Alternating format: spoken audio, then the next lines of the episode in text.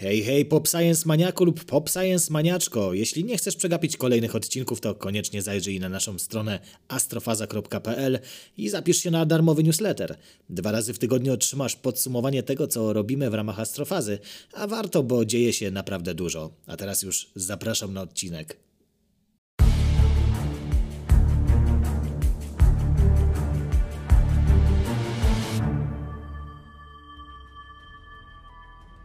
Jak powstał wszechświat? Tak naprawdę tego nie wiemy. Mamy pewne przypuszczenia, mamy pewne obliczenia, obserwacje, coś, co składa nam się w pewien obraz. Dzisiaj używamy do tego metody naukowej, ale ludzie próbowali odpowiedzieć sobie na to pytanie od wieków. I w ten sposób powstała cała kosmologia różnych e, grup społecznych, różnych cywilizacji. I o tej kosmologii, o tym początku wszechświata, e, zarówno z naszego punktu widzenia dzisiejszego naukowego, jak i tych naszych starożytnych i tych mniej starożytnych, porozmawiamy w dzisiejszym Pop Science. Oglądałeś, Leszku, e, Miłość, Śmierci Roboty? To chyba tak się nazywa? E, Pierwszy sezon. Tam była taka historia o cywilizacji, która mieszkała w zamrażarniku. Goście otworzyli w nowym mieszkaniu starą taką lodówkę. W zamrażalniku była cywilizacja, która z każdym otwarciem w bardzo przyspieszonym tempie rozwijała się. No i tam był taki moment, kiedy oni zaczęli czcić tych ludzi, którzy po prostu patrzyli e, na nich z góry i obserwowali. No i faktycznie e, te pytania, te odpowiedzi na pytania o to, jak powstał wszechświat, przez długi czas w historii ludzkości krążyły właśnie dookoła religii, krążyły dookoła pewnych wierzeń, tego w jaki sposób e, ci nasi przodkowie próbowali sobie tłumaczyć, jak powstał wszechświat. Czy my dzisiaj jesteśmy faktycznie już o krok od poznania tej prawdziwej przyczyny powstania wszechświata? Może nie przyczyny, ale sposobu, w jaki powstał, no bo to dlaczego powstał, to jest zupełnie inne pytanie. Ale to w jaki sposób powstał ten wielki wybuch, te wszystkie ery, które następnie następowały w ułamkach sekundy dosłownie. I ta wielka inflacja, która sprawiła, że wszechświat się rozrósł. Na ile to jest faktycznie coś, w czym jesteśmy osadzeni, na ile to jest taka hipoteza. Wielka inflacja to się teraz nie kojarzy najlepiej, Tak, teraz ale, kojarzy się ale z czymś wyjaśnimy, tak, no jest to od inflation, od rozdęcia, więc y, pewnie do- tego też y, dojdziemy. Jak jesteśmy blisko, już co śledzę tak bardzo pobieżnie, bo taki miałem bardzo mocny, mocny kierunek na kosmologię w czasie studiów astronomicznych, ale gdzieś tam na poziomie trzeciej, czwartej, trzeciego, czwartego roku, gdzie już trochę kumałem matematykę i, i, i zakumałem, że nie chce mi się studiować matematyki, bo dzisiaj, żeby być kosmologiem, to bezwzględnie trzeba, trzeba też przejść taki solidny, bardzo solidny kurs y, matematyki, dlatego że ta współczesna kosmologia to w dużej mierze jest no, rozwiązywanie równań bazujących na teoriach relatywistycznych, y, opisujących jakby y, nasz świat na ogólnej teorii względności, która mimo, że pochodzi od Einsteina, to staje się coraz bardziej subtelna, jest wbrew pozorom cały czas to wszystko rozwijane, ale przede wszystkim y, rozwijane są metody obserwacyjne. Rozwijane są metody, dzięki którym my jesteśmy w stanie po pierwsze zaobserwować coraz y, więcej szczegółów w coraz odleglejszych miejscach w znanym nam wszechświecie. Tutaj takim, jak to się mówi, wisienką na torcie już za chwilkę Czereśnią. będą czereśnią, tak, czereśnią, tak, bo to będą dużo droższe wyniki. E, w końcu 10 miliardów kosztował ten teleskop, który nosisz z dumą na piersi. Tak to. E, to prawdopodobnie ten teleskop jakby mocno się przyczyni. Mam takie podejrzenie, że mocno się przyczyni do powstania, e, do, do poprawienia jakby naszej wiedzy o tych, tych w miarę wczesnych, chociaż nie najwcześniejszych etapach e, naszego, ewolucji naszego wszechświata. Z drugiej strony też, też tutaj kiedyś e, jakieś newsy podawaliśmy wspólnie w tym astrokwadransie naszym, e, że rozwija się i, i co rusz jest upgrade'owany po troszku, po troszku e, ten przyrząd Wielki zderzacz wysokich hadronów. energii, tak, wielki zderzacz ha- hadronów w CERNie i tam y, zwiększanie energii też y, doprowadza do tego, że jesteśmy w stanie obserwować coraz bardziej egzotyczne cząsteczki. Te, które egzystują w, w momencie, gdy energię, gdy skale czasowe, gdy skale właśnie temperatur są no, coraz, coraz bardziej maksymalizowane, a tym bardziej, a w tym momencie jakby też symulujemy niejako te najwcześniejsze, najwcześniejsze etapy ewolucji wszechświata. O tym już mówiliśmy. No tutaj widzę więcej tak naprawdę możliwości, bo jednak e, teleskop Jamesa Webba, chociaż pokaże nam pewnie dużo więcej na tych e, swoich detektorach e, podczerwieni, to no, fotony pierwszy raz mogły swobodnie podróżować przez wszechświat, kiedy on miał jakieś 300 tysięcy lat, zdaje się. To było dość późno z perspektywy Tak. nawet życia człowieka. Tak, to jest ta- Dopiero wtedy ta energia jego się rozproszyła na tyle, że elektrony mogły być Fotony przestały, przestały być e, inaczej. Materia czy struktura wszechświata stała się przeźroczysta dla Tak. fotonów. One przestały być zależne jakby od, e, od materii, w sensie oddziaływań Mhm. z materią. Więc, E, więc, więc też nie pokaże nam aż tak bardzo Tak. wstecz tego wszystkiego e, web, jak może pokazać nam No generalnie, generalnie my jesteśmy na etapie takim, że rzeczywiście przydałyby się e, kolejne jakby etapy rozwoju detektorów zdolnych do obserwacji promieniowania tła. Mhm. To promieniowanie tła, które dociera do nas z każdego kierunku, to jest dosyć, dosyć dziwne zagadnienie, bo musimy zdawać sobie sprawę z tego, że coś, co określa się mianem wielkiego wybuchu, to jest coś, w czym my jesteśmy cały czas wewnątrz. Oczywiście dzisiaj kosmologowie, ja kiedyś rozmawiałem z takim kolegą z, z Warszawy, on mówił, y, że y, dzisiaj kosmologia unika tego właśnie sformułowania wielki wybuch, bo to był raczej, to, to, to się trochę źle kojarzy. Mhm. Jako E, eksplozja, to tak, była a to eksplozja. nie była eksplozja. Eksplozja zawsze następuje w jakimś środowisku, a tutaj e, powstawało razem z tym, z tym proces, w tym procesie powstawało całe środowisko, czyli powstawała e, cała przestrzeń wszechświata. Takie wielkie puchnięcie bardziej niż Tak, eksplozja no, no i tutaj te, też, też zadajemy sobie od razu pytanie takie filozoficzne, to w czym to się działo, tak? Co było dalej, co było na zewnątrz? To jest wow, to jest najbardziej jakby, Mhm. wydaje mi się, najbardziej nośne i najbardziej e, e, fantazjogenne, e, naj, najbardziej fantazjogenna część nauki. Czyli ta, ta, te wszystkie jakby pytania, które mówią, co było wcześniej, co było poza, no bo ta przestrzeń jakoś tam się y, rodziła. W zasadzie z punktu widzenia naukowego to nie ma większego sensu, bo tam nie było no, nic. Tak, to prawda. Nic. Tam nie było matematyki, tam nie było jakby, y, to nie była pustka. Po prostu to był, to był absolutny niebyt, tak? No, tu, tu warto to trochę rozgrzebać, zanim pójdziemy dalej, bo uderzamy takim Hitchcockiem, wiecie. No my jesteśmy mocnym. ograniczeni bardzo mocno naszym myśleniem trójwymiarowym, tym, co, co- o tym, co nas otacza. Ale zobacz, tylko w obrębie gdzieś tam tego wszechświata, tego, co się poddało inflacji, co się rozszerzało i tak dalej, mamy zapewne pola, w których oddziałują cząstki, więc Tak. podejrzewam, była taka kreskówka, Kapitan Bomba się nazywa, znasz na pewno i wiesz na pewno i nasi widzowie też wiedzą, co działo się z materią organiczną po przekroczeniu bariery kosmosu. Oczywiście tam było to w bardzo humorystyczny sposób ujęte, ale faktycznie jak tak sobie o tym pomyślę, no to jeżeli te pola, które sprawiają, że cząstki zachowują się jak się zachowują, że prawa fizyki działają tak jak działają, że to wszystko ze sobą jakoś współgra, występują wewnątrz tego wszechświata, tak? Wewnątrz tego, co in, podlegało inflacji, no to będąc na zewnątrz, nagle, kiedy brakuje tych pol, pól, to materia po prostu by się rozsypała. No i ginie, tak, wszystko jakby, wszystko zanika. Mhm. E, No bo tutaj mamy jeszcze, jeszcze jedną e, kwestię, no wszystko jest energią, a materia jest tylko jakby przejawem energii. E, I, i to jest tak jak, tak jak fale na wodzie, tak? że mamy, mamy zbiornik zamknięty ze wszystkich stron, te fale docierają do brzegu zbiornika, ale mimo, że jakiś ten ruch drgający i ruch falowy do tych brzegów dociera, to dalej już go nie ma.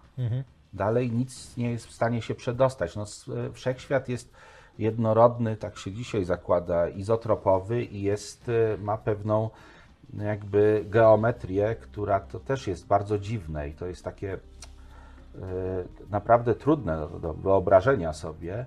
Aż się nachyliłem. E, Że e, dzisiaj no, zakłada się, że ta krzywizna jest dodatnia, czyli gdziekolwiek się udamy, no to, to to, to nigdy nie opuścimy tego, tego wszechświata. On nie jest idealnie płaski, te wymiary wszystkie do takiej płaszczyzny, tak? E, Powiem właśnie, że tutaj, jeżeli chodzi o te, no to były mm, chociażby, zdaje się, właśnie wynikające z obserwacji promieniowania tła e, mm, eksperymenty, które miały wykazać krzywiznę czasoprzestrzeni. Nie? To chyba stąd właściwie wiemy tak naprawdę, mm, jaka ona jest, czy dodatnia, czy ujemna, No tutaj czy płaska. warto, warto o tym też powiedzieć. Ta krzywizna czasoprzestrzeni, możemy ją sobie wyobrazić jako e, niejako przez, przez pryzmat e, dwóch równoległych, dwóch równoległych e, linii. Mhm. tak Zróbmy jak- te dwie równoległe linie. No to zróbmy razie. tak, zróbmy dwie równoległe linie. Może, a, możemy to na tak. Tak, możemy możemy to to narysować. wszystko pięknie O, zrobić, po to kurczę. tutaj to jest właśnie. Mamy dwie równoległe linie. Tak. Powiedzmy, że są równoległe. Tak. I, e, I w tym momencie, jeżeli mamy lokalnie, niech to będą tory. Tak? Jeśli spojrzymy w którąś tam stronę, no to te tory oczywiście gdzieś tam nam się w perspektywie zbiegają, ale jeśli udamy się te parę kilometrów dalej, to one nadal będą równoległe. To mo- może pokażę, I- o czym mówimy. Tutaj mamy powierzchnie i tory, które się w Tak. perspektywie nam zbiegają. Natomiast, nie? Natomiast stoimy sobie tak, tutaj. tak. Y, Natomiast tutaj rozchodzi się o coś y, jakby zgoła innego, że y, zobacz teraz, mamy inną sytuację, że mamy dwa, już to nie są, nie są tory jakieś takie lokalne, tylko że mamy dwie linie i niech to będą dwa równoleżniki. Mhm. I te dwa równoleżniki, przepraszam, południki, tu, tu, y, dwa południki. Mhm. E, tutaj, gdzie jesteśmy w Płocku, moglibyśmy wyznaczyć jeden południk, drugi. Gdybyśmy wyznaczyli współrzędne Mhm. tych samych południków, tak, czyli szli po tej, po tej, samej, y, po tej samej długości geograficznej, ale zmieniali szerokość, to na drugim końcu Płocka, przy użyciu nawet ultradokładnej miary, ta odległość będzie bardzo, bardzo zbliżona. Natomiast my wiemy, że te dwa południki, one gdzieś tam schodzą się na biegunach. No dokładnie, jesteśmy I to na, jest- na kulce. I to jest, y, y, to jest ta krzywizna dodatnia. Krzywizna y, zerowa to jest ta, gdzie choćbyśmy do nieskończoności doszli, to te dwie linie będą dalej Obok siebie. obok siebie, a jest jeszcze krzywizna ujemna, gdzie też lokalnie równoległe y, dwie linie, one z biegiem czasu się rozchodzą. I tutaj jest takie dosyć, no tu jest oczywiste, już z, z tymi południkami przykład y, pokazuje, że to jest, to jest jakaś sfera, tak? Na takim przybliżeniem, to jest to, to plus jeden, tak, ta krzywizna minus jeden, to jest taka, to ciężko, ciężko to jest na, na, narysować, To jest takie to jest ta- siodło. takie siodło, taka, No. taka, taka, Klęsła powierzchnia z takimi wypustkami tak, taka, taka powierzchnia siodłowa. Czyli, czyli coś, coś No i to, są, guście. I to są, wiesz co, w momencie, gdy się rozważa te, te modele kosmologiczne, to ta krzywizna, ta geometria przestrzeni jest tutaj bardzo ważna i e, to, jak zachowuje się, jak będzie zachowywał się wszechświat, jest zdefiniowane przez no, kilka parametrów. Przez to, jaka jest krzywizna, a sama krzywizna jest uzależniona od tego, e, jaka jest gęstość, e, taki, taki czynnik mówiący o gęstości, średniej gęstości wszechświata. E, Też wa, ważne No jest. tak, bo widzimy jak się rozkłada tak. materia wtedy. Widzimy, jak się rozkłada materia i jesteśmy w stanie dla, danego, dla danej chwili, przy danej gęstości, wymodelować, yy, czy ten wszechświat będzie rozszerzał się dalej. Jeśli ta gęstość będzie zbyt mała, no to będzie się rozszerzał. Mhm. Jeśli będzie dostatecznie duża, to wyhamuje, tak, i grawitacja. Ostatecznie yy, wszystko ściągnie. Tak, wszystko ściągnie. Jest też taki na granicy model, taki, że, że, że tak do końca nie wiadomo, że właśnie tak jak to siodło, ono ma te takie, takie, takie jak tutaj pokazujesz, tak, yy, w- tym, w tym siodle, to są takie miejsca takiej równowagi, gdzie my nie wiemy do końca, jak to którą w rzeczywistości, pójdzie. tak, w którą stronę to pójdzie. Dlatego Ale to wiesz to, bo, bo wchodzimy już y, powoli tutaj, widzę, mówiąc o tym, w różne modele końca wszechświata, Ale to a to tak, to później, jest- to później, bo no, chciałem tylko pokazać, że tak naprawdę to, jak dzisiaj postrzegamy początek wszechświata, pokazuje nam, że to jest bardzo rzecz skomplikowana, że nasze mózgi są nieprzyzwyczajone, nasza percepcja jest nieprzyzwyczajona do takich skrajnych Tak. e, przemyśleń. No, dla nas chociażby nieskończoność to jest coś nie do ogarnięcia, a to jest zwyczajna Nie do- zmienna w nie- matematyce. Bo, bo przecież, jeszcze, nie? jeszcze, e, wiesz, i to też pewnie za chwilę się przyda, zresztą tutaj widzowie są do tego przyzwyczajeni, bo o tym już mówiliśmy, też nie do ogarnięcia jest próżnia. Mhm. Ta próżnia fizyczna, czyli, czyli przestrzeń, w której nie ma żadnych cząstek, Mhm. ale w tej przestrzeni jest energia, która może być y, przyczyną pojawiania się Tak. na moment cząstek. Mhm. Y, I to jest właśnie też takie, takie niezwykłe. Ale próżnia, ta nawet ta fizyczna, ta bardzo egzotyczna, czyli to, co ma miejsce w tym świecie subatomowym, tak? czyli tam pomiędzy tymi elektronami, jądrami, y, tam, tam tętni życie. Ja może y, potem, jeżeli będzie taka możliwość, to Cię poproszę, dam Ci obrazek, który kiedyś zrobiłem, Spoko. żeby wmontować e, jak na różnych skalach, żeby to może pokazać e, tak, tak e, króciutko, jak w różnych skalach energii i rozmiarów, jak zmienia się to, e, te, jak zmieniają się te cząstki. Te coraz bardziej egzotyczne cząstki powstają. E, To też pokazuje, gdzie sięga akcelerator, gdzie sięgają te akceleratory hadronów, właśnie LHC.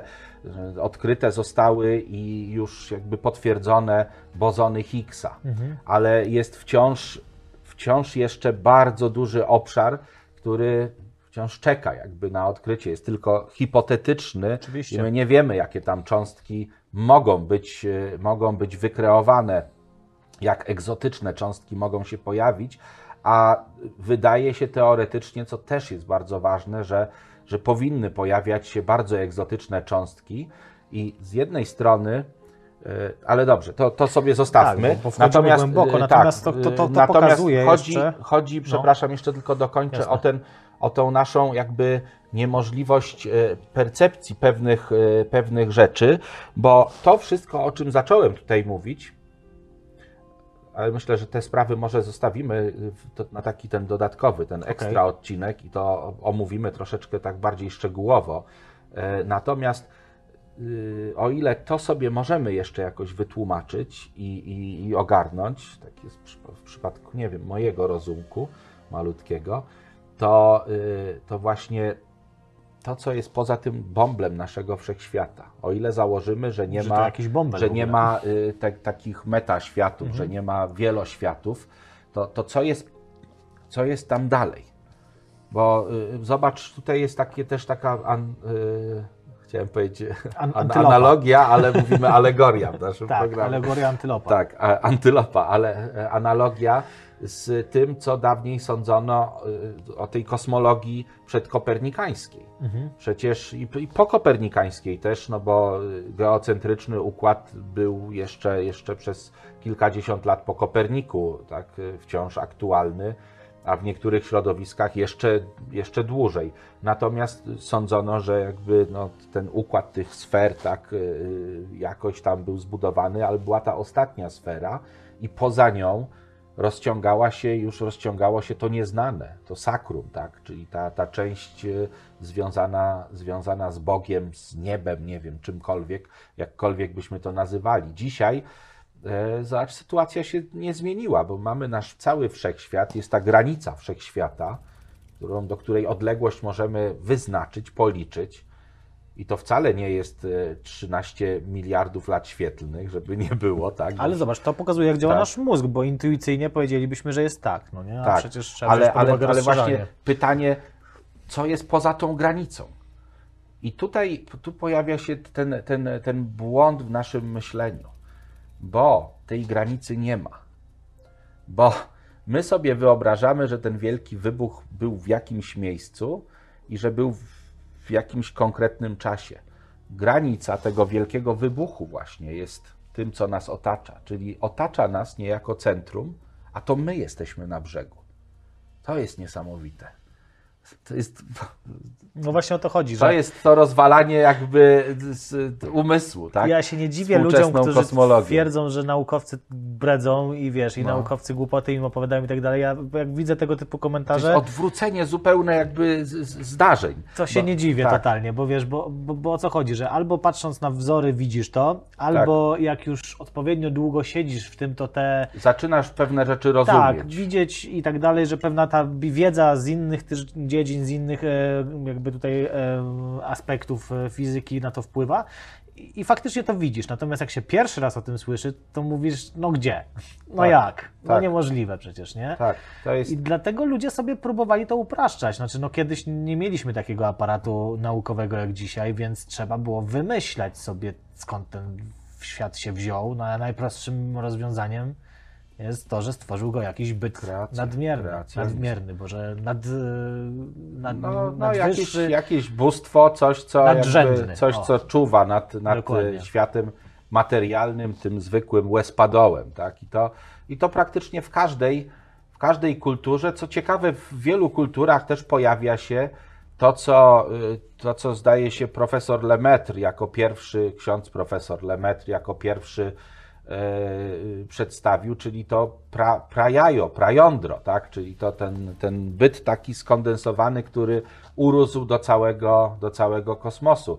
Do dzisiaj, e, przyznam szczerze, że tego nie jakoś tam nie studiowałem przed tym programem. Kiedyś, dawno temu o tym y, czytałem. całkiem sporo w hinduizmie też jest, jest taki, taki twór, który traktują jako świętość, to jest lingam. To się nazywa lingam i to jest taki, takie owalne jajo, e, które symbolizuje jakby cały wszechświat, który jest skupiony do tego, tego pierwotnego bytu. I, I to nawet jest tak, nie wiem na ile, wiesz, to, to, to jest kwestia wiary i moż, mogą sobie y, tutaj y, widzowie i słuchacze to różnie potraktować, natomiast y, takie różni święci mężowie, tak, też jakby są w stanie wykreować taki lingam, urodzić lingam, tak, tak, to, tak to jest nazywane. Nie wiem, czy to są sztuczki prestidigitatorskie, czy to się, czy to się dzieje naprawdę, to kwestia, mówię, wiary i kwestia tego, jak na to patrzymy. Natomiast jest ten symbol. E, U nas też jest, jest co innego. U nas jest to, że na początku, na początku było słowo, czyli na początku był też tylko Bóg, który, nie wiem, przez eony siedział znudzony i mówi i tą zamrażarkę, o której mówiłeś, tak? Dokładnie. Wezmę w lodówce tam, nie wiem, Stworzę nie będę, nie będę sprzątał w lodówce, to na pewno coś urośnie. Gorzej, że E. musiał wiedzieć, jakby patrząc na opis tej Wiesz istoty, co? wszystko Powiem z góry. Ci tak, y, ja tu akurat ty, tych książeczek nie mam, bo nie wiedziałem, że w tę stronę jakby po, będziemy, A to tylko nadmieniamy, będziemy wiesz, lawirować. no, historię Natomiast tego. Warto, warto powiedzieć, że, że to jest y, Men in Black, pamiętasz ten, y, Mhm. ten film?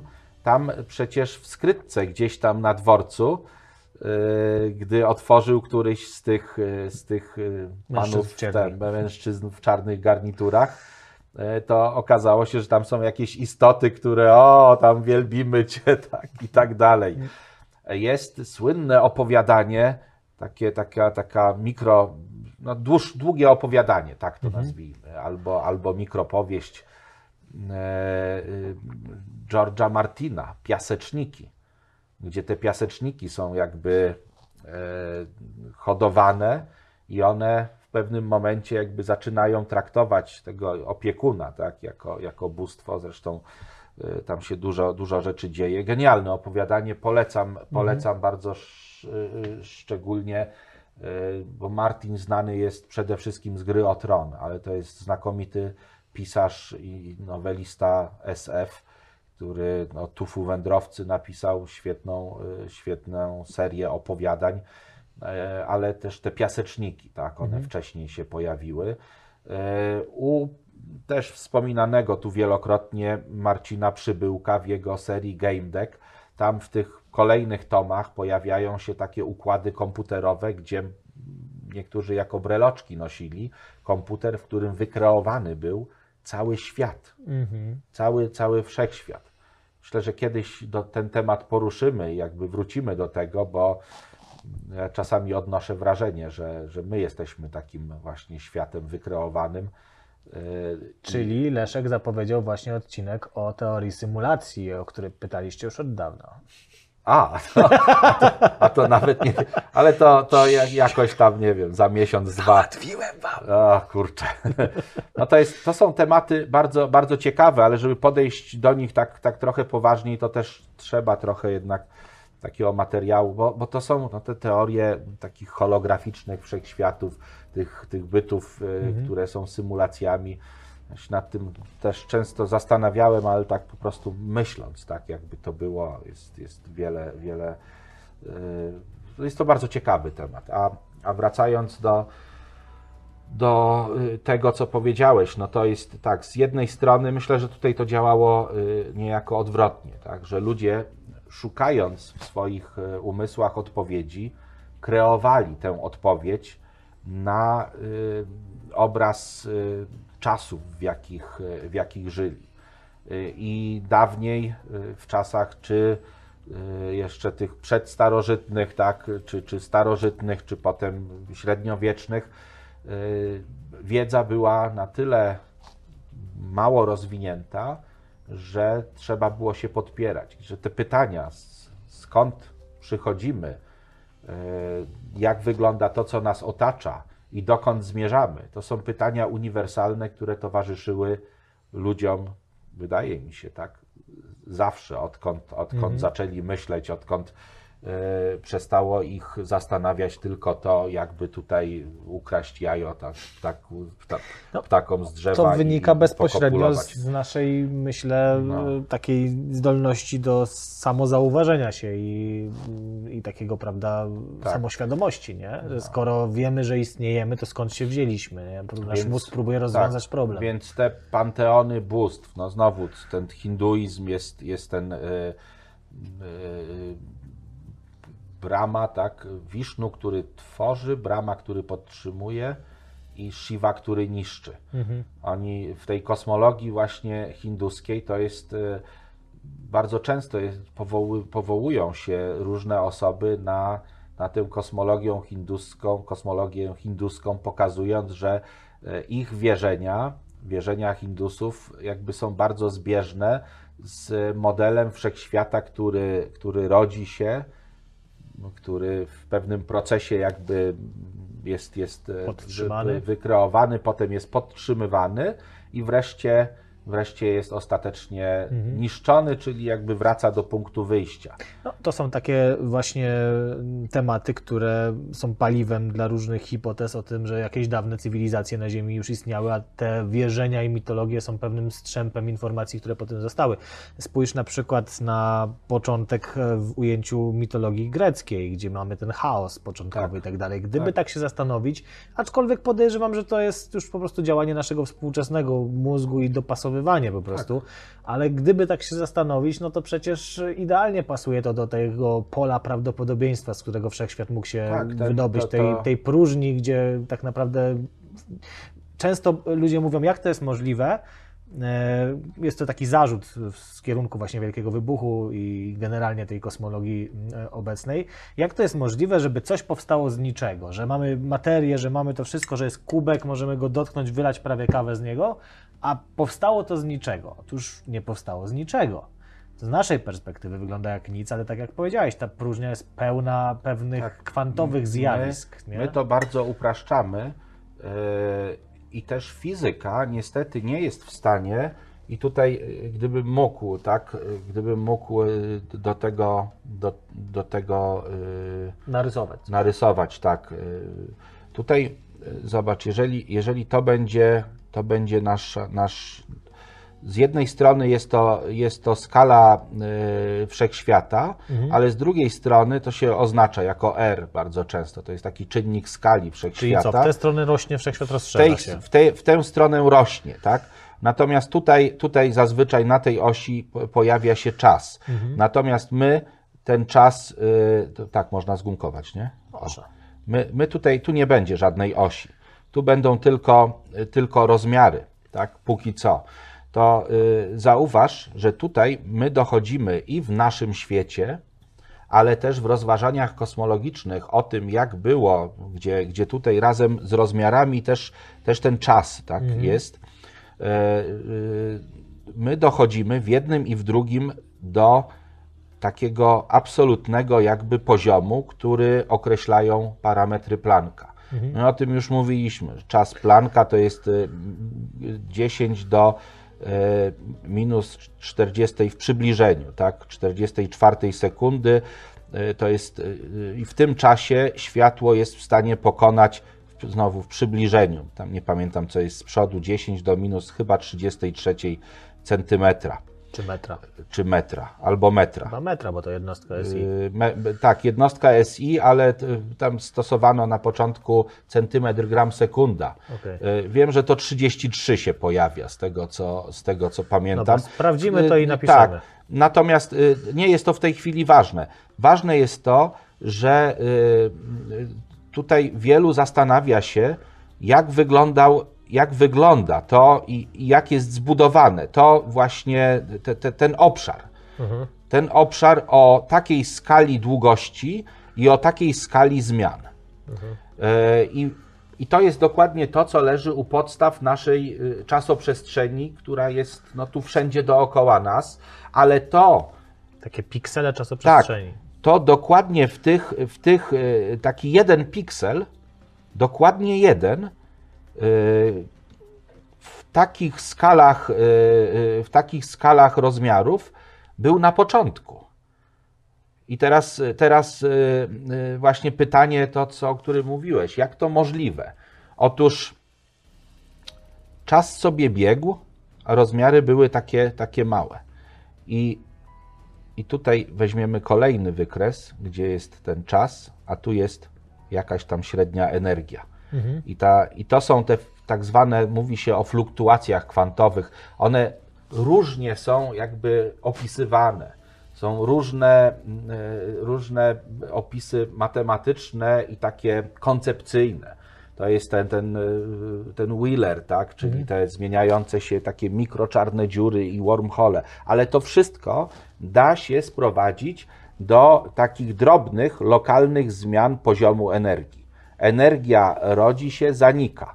I tak jak już powiedziałeś, to słowo klucz, prawdopodobieństwo. Tak? I jest niezerowe prawdopodobieństwo, że w pewnym momencie nastąpi pik tej energii. Ten pik spowoduje, że ten obszar, obszar tego, tak, tak, to, to, co też opisuje, to, to pole skalarne, tak? pole, pole, które to pierwotne pole, ono może, może y, zostać jakby wyprowadzone ze stanu równowagi i to jest jak taki kamyk, który z góry zrzucimy. I w tym momencie y, ta cała energia, która tutaj pojawi się zupełnie spontanicznie, zupełnie jakby wbrew zdrowemu rozsądkowi, ale my wiemy, jak działa mechanika kwantowa i wiemy, że, że to może tak być. Że jest y, nieskończenie małe prawdopodobieństwo, ale jest, że, że, że coś się stanie, co tak naprawdę stać się nie powinno. Że ten kubek astrokawowy akurat jest z tym, z wodą, tak? a kubek jest z kawą, że w momencie, gdybym go teraz przewrócił, to istnieje niezerowe prawdopodobieństwo, że, że on jakby się sam odwróci, tak? Że pewne czynniki spowodują, że wszystkie te kropelki wody wpadną z powrotem. Tylko Y- ono jest tak, kurczę, bliskie tego zera, że z takiego naszego codziennego Y, punktu tak. widzenia wręcz niemożliwe, nie? To też, to co tutaj na, no jest narysowane, to też jest. Dokładnie tak. Tylko, że zobacz, tutaj mamy ten, tą częstotliwość zegara. Ta zmienność jest 10 do minus 44 razy na sekundę, czyli w jednej sekundzie tych zmian następuje tak dużo, że praktycznie w każdej sekundzie, w każdym miejscu, zgodnie z tym, co, co, co, co sądzimy, może powstawać właśnie takie zaburzenie, a tym samym rodzić się wszechświat. To jest, dla mnie to jest niebywałe, bo to opisuje jednocześnie naszą czasoprzestrzeń w każdym punkcie i ten jeden punkt, który spowodował, że powstał nasz wszechświat. To jest takie. Widzisz, to jest, to jest, e, to znowu rozwala głowę. No dokładnie. Dlaczego? Dlatego, że tu w tym miejscu, o tu, dokładnie, w tym momencie powstał wszechświat. Ale my go nie zobaczymy nawet. Tak, my go nie zobaczymy, bo on jakby nieza, niezależną przestrzeń tworzy. Więc ja już mam odpowiedź, to co mówiłem. My sobie nie potrafimy wyobrazić, co jest poza granicą wszechświata. Zresztą wiesz, no to, to też nie jest coś, co można tak łatwo e, przełożyć, czyli że. To zresztą mówiliśmy o tym w odcinku o multifrześwi- o multifrzeświecie, o multifrzeświecie A właściwie. to tak. jeszcze, E, To nie jest takie proste, żeby przełożyć sobie, że banieczki dociskają się jedna obok drugiej. No bo co, tutaj ci się tworzy, a wyskakuje Nie, to poza. nie jest- to jest- tak nie działa. To, to jest, y, to jest tak wielowymiarowe. Dokładnie. To jest y, wewnątrz jednego tworzą się następne i następne zupełnie niezależnie. To jest, to jest właśnie trudne do wyobrażenia. Natomiast Przynajmniej z y, matematycznego tutaj punktu y, widzenia. od razu taka, taka y, bo to już jakby ustaliliśmy, bo to jest też taka bardzo fajna, ciekawa, graficzna też postać tego wszystkiego, o czym tu zaczęliśmy mówić, e, o tych początkach wszechświata e, i tym, tym, jak się wszechświat rozwija i jak to jest wzajemnie powiązane, że to w tym dodatkowym materiale, Mhm, tak. króciutkim takim e, sobie ten, Wszechświatowy Uruboros. o, taki tak, taki uruboros, to jest, to jest, to jest bardzo fajne No- i fajnie wygląda. No dobra, ale to I ja potrafię to narysować. trzymamy za, za słowo. Słuchaj Leszku, ale teraz takie pytanie jest, czy mm, tak pod włos wezmę, e, bo często też właśnie ludzie o to pytają, czy to nie jest troszkę tak, że matematyka jest cierpliwa, wszystko zniesie i można sobie policzyć, co tam nam się żywnie podoba i właściwie to wszystko to jest tylko taki pic na wodę, no bo na chłopski rozum się to zupełnie nie klei. No, a tak jak powiedziałem, no policzyć to sobie możesz właściwie co Wiesz chcesz, co? nie? Wiesz co, powiem Ci teraz tak zupełnie tak szczerze i po cichu. Nie słuchać. E, tak dużo rzeczy się nie klei, że, że to, to aż, aż szkoda gadać. Teraz e, jakby te nowe eksperymenty też e, w CERNie, nowe wyniki pokazują, że, że, że jest duże prawdopodobieństwo, że nasza wiedza, to o czym my też tutaj mówiliśmy, no bo my bazujemy tylko na, e, na tym, co zostało jakoś opublikowane w sposób też popularny, już przetrawione, e, że ta wiedza o tym, o tym standardowym jakby modelu naszego świata, bazującym tam na, na tych cząstkach podstawowych, na oddziaływaniach, że to może być, może nie z gruntu e, mylne, ale w dużej mierze wymagać będzie musiało e, jakiejś takiej, po, takiej rewizji, takiej dosyć poważnej. Mhm. No dobra, bo odpowiem też tutaj na to pytanie, bo mówię, biorę pod włos, ale e, oczywiście to nie jest tak, że wszystko to jest do kosza i można wyrzucić, absolutnie nie.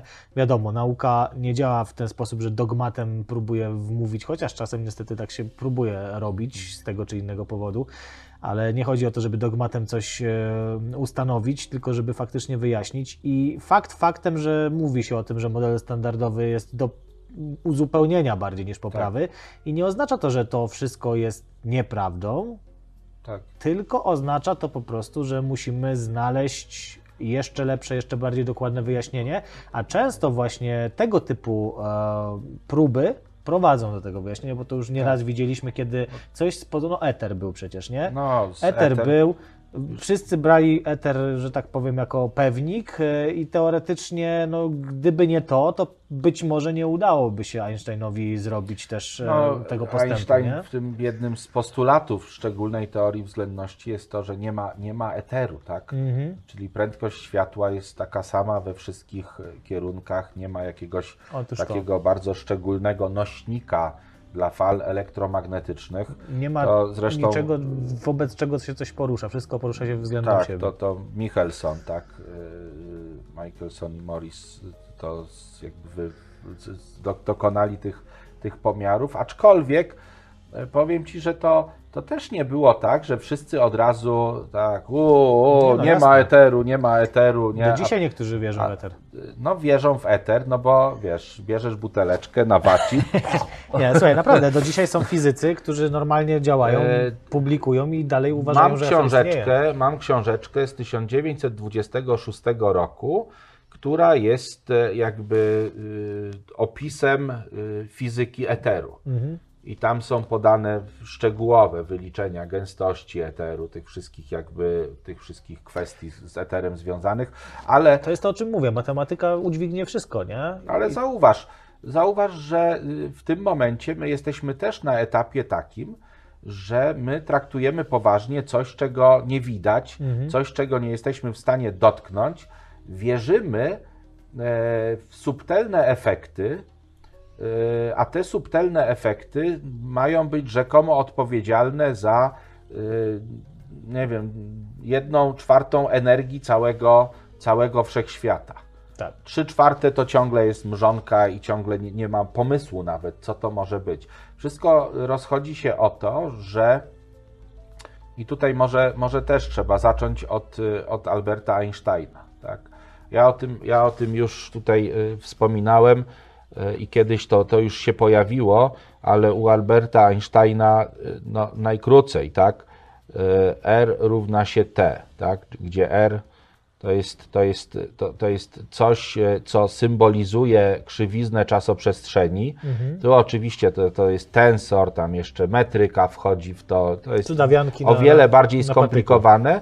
A z drugiej strony jest T, czyli tutaj możemy napisać, że to jest e, krzywizna No, no wiemy, że to jest krzywizna. przestrzeni, a Recepta. tutaj jest, a tutaj tak naprawdę nazywa się to tensorem energi, e, energia e, e, plus moment pędu, czyli materia w ruchu.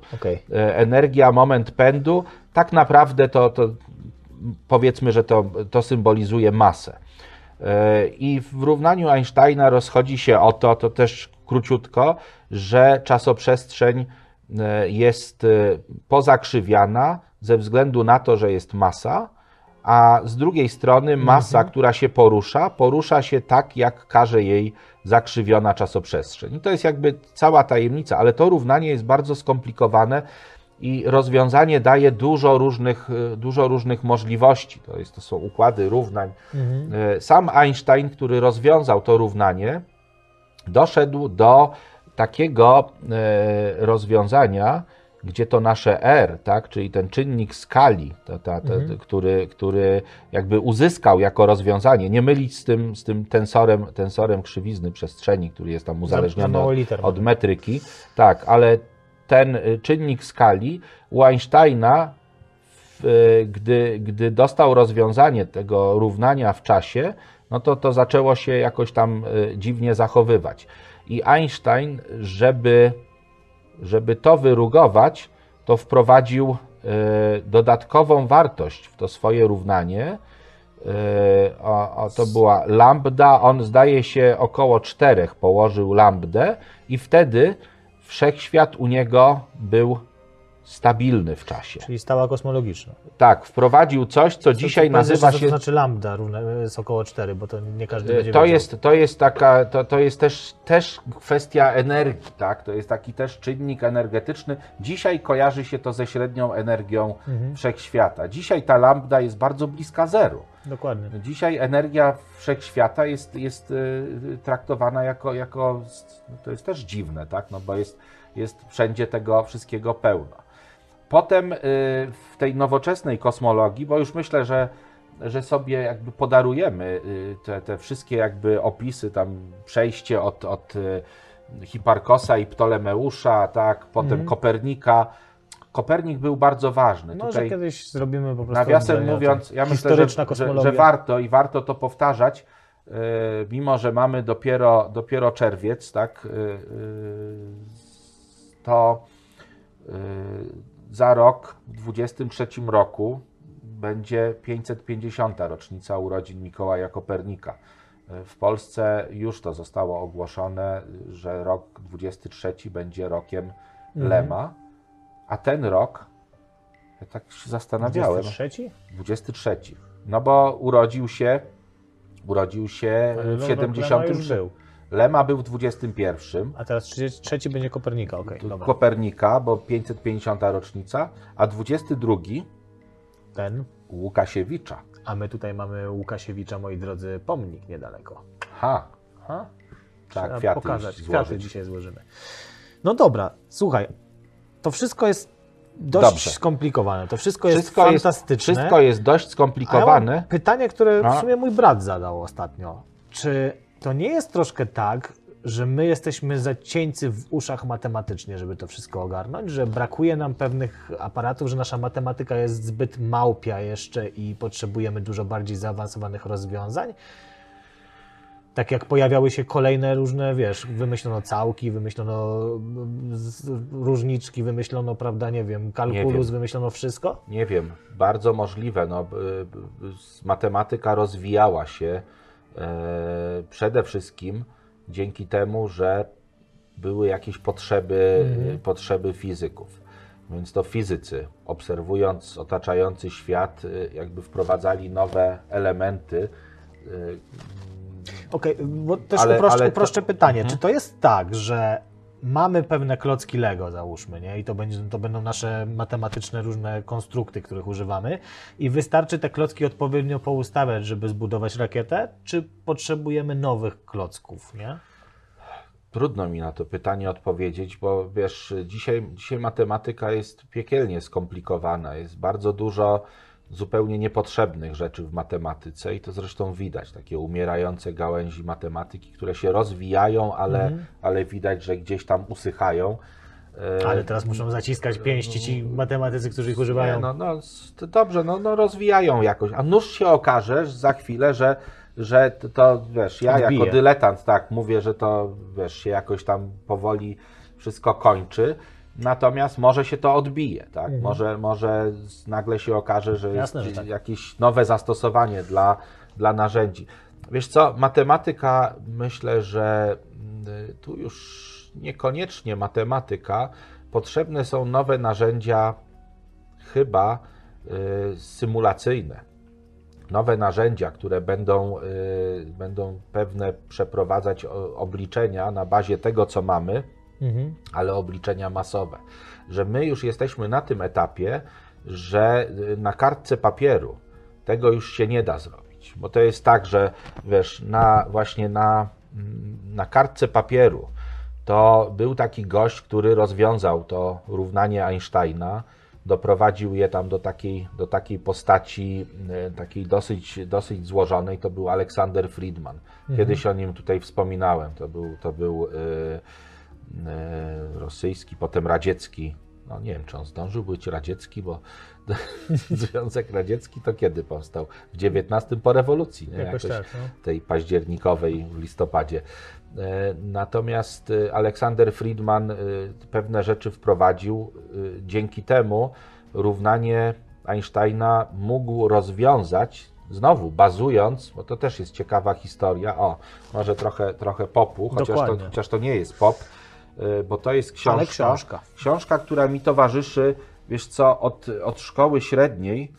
Ja, ja w szkole średniej miałem, y, to jedna z, znaczy nie była pierwszą książką, tylko ja w pewnym momencie, e, słuchaj, miałem, ten, miałem taki odlot, że, że zrobię sobie pieczątkę. Mm. Taką zupełnie prywatną.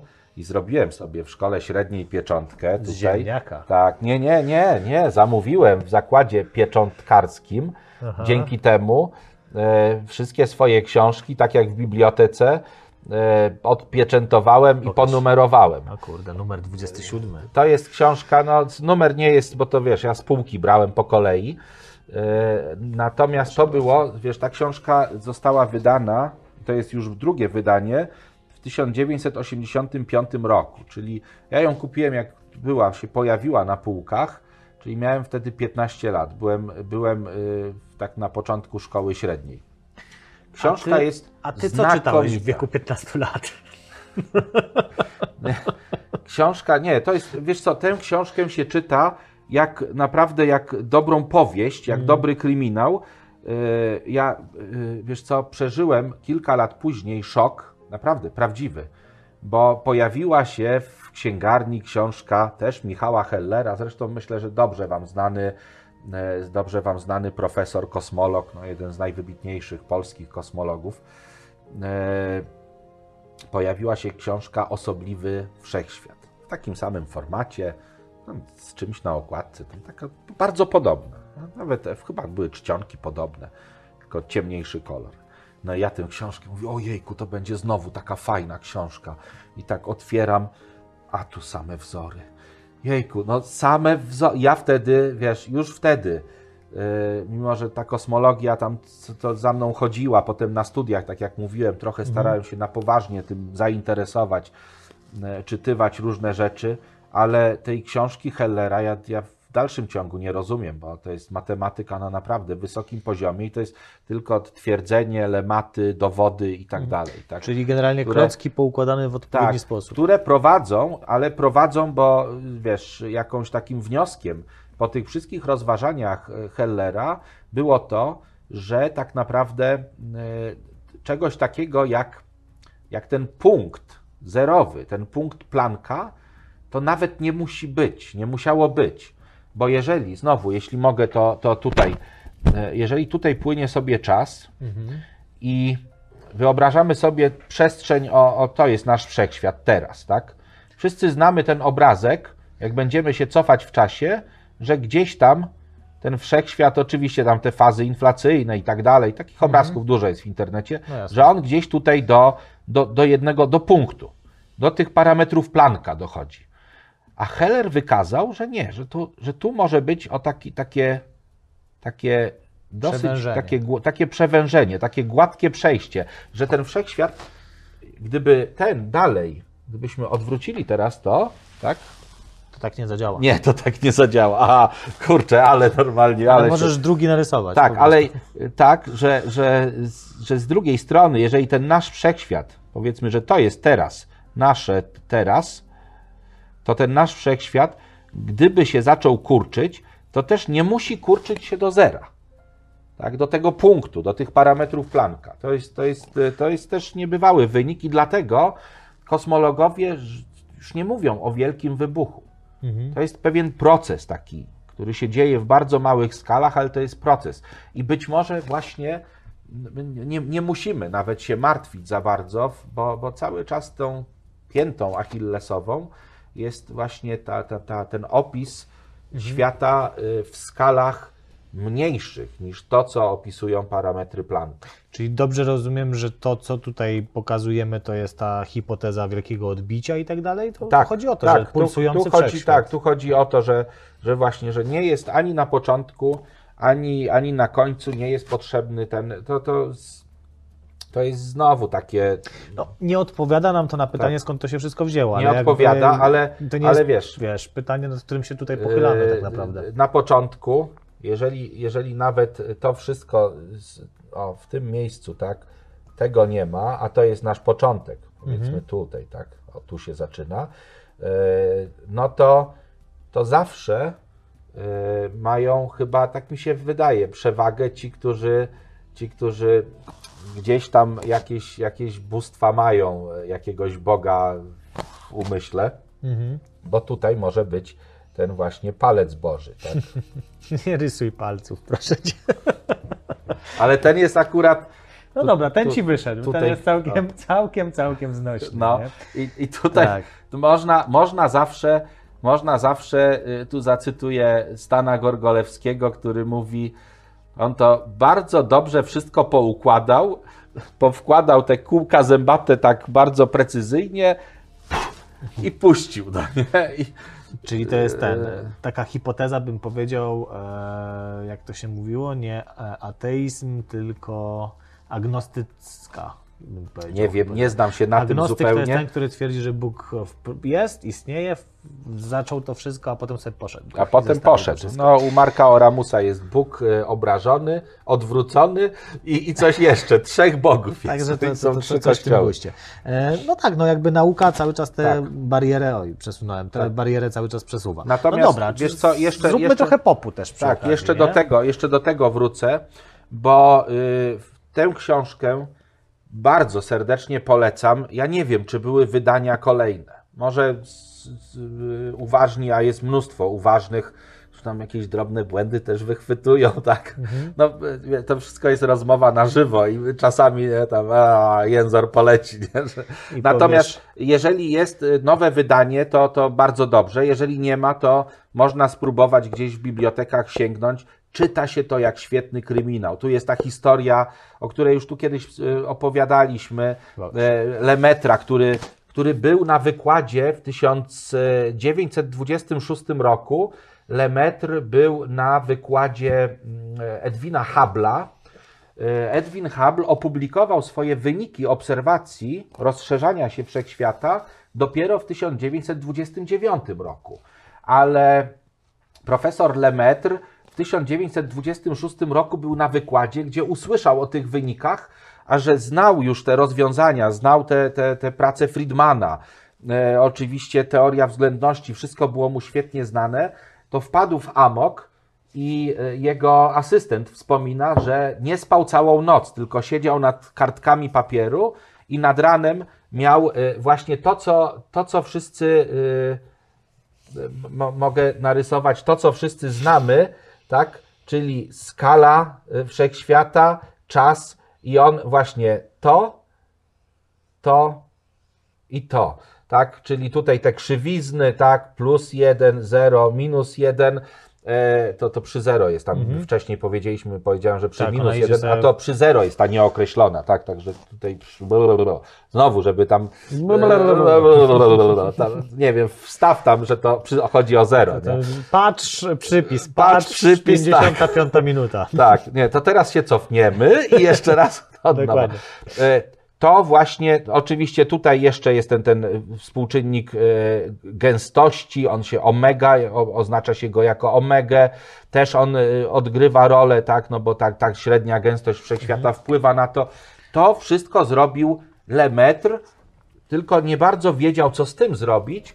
I tutaj wstawił y, to na początku, na początku było to, to prajajo, tak? Ten, ten, ten, ten no, no był księdzem, to pewnie gdzieś tam myślał przynajmniej o, o Bogu. Wiesz, tak po prawdzie, to jak powstała hipoteza Wielkiego Wybuchu, tam mnóstwo ludzi przecież e, wierzących e, mówiło, że to bzdura i tak dalej, że to niemożliwe, przecież Bóg stworzył wszechświat.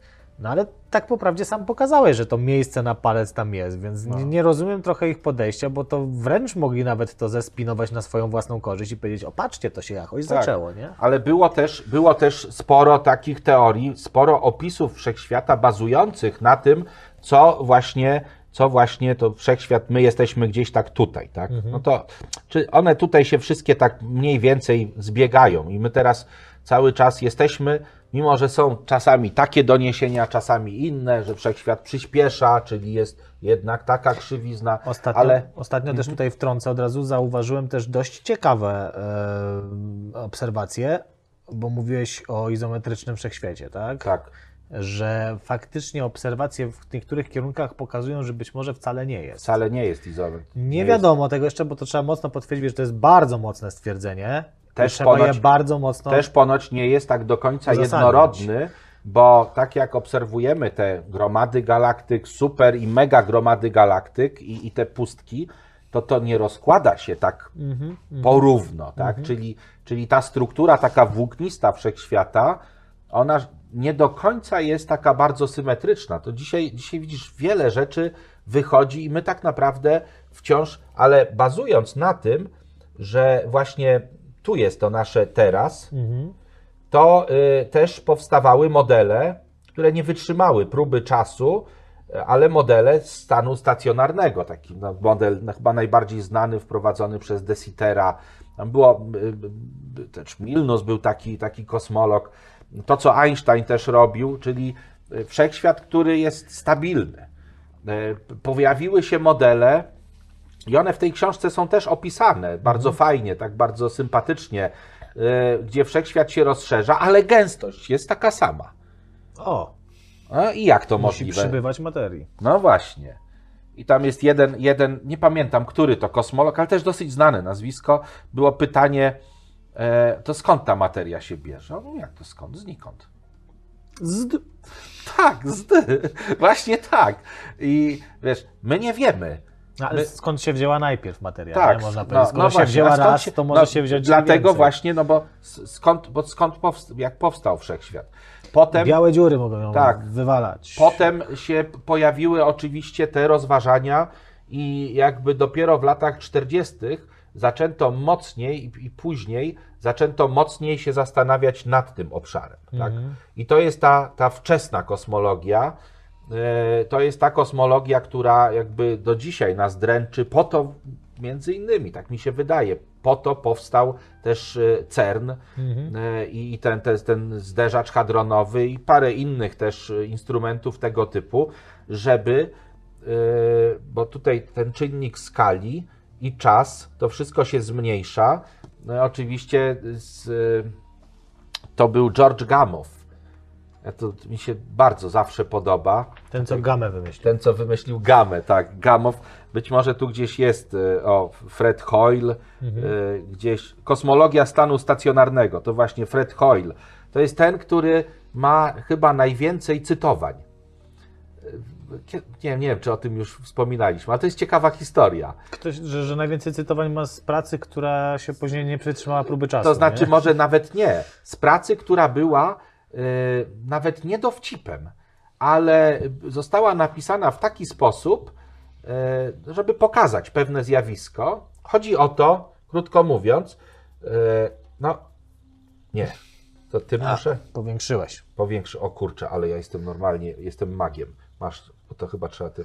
Dobra, mów, a ja to spróbuję doprowadzić do, E, do ludzkiego porządku. E, tak, chodzi o Proszę, to, o. że jak obserwujemy światło e, w jakimś tam kierunku Mhm. w kosmosie, to e, odkryto w pewnym momencie takie, takie bardzo szczególne e, linie spektralne, które nazwano rozmytymi. One są takie dosyć szerokie, te linie spektralne. Ja sobie teraz rysuję, no, wiesz, to jest, tu jest natężenie, tak, tu jest, tu jest jakaś tam częstotliwość czy długość fali.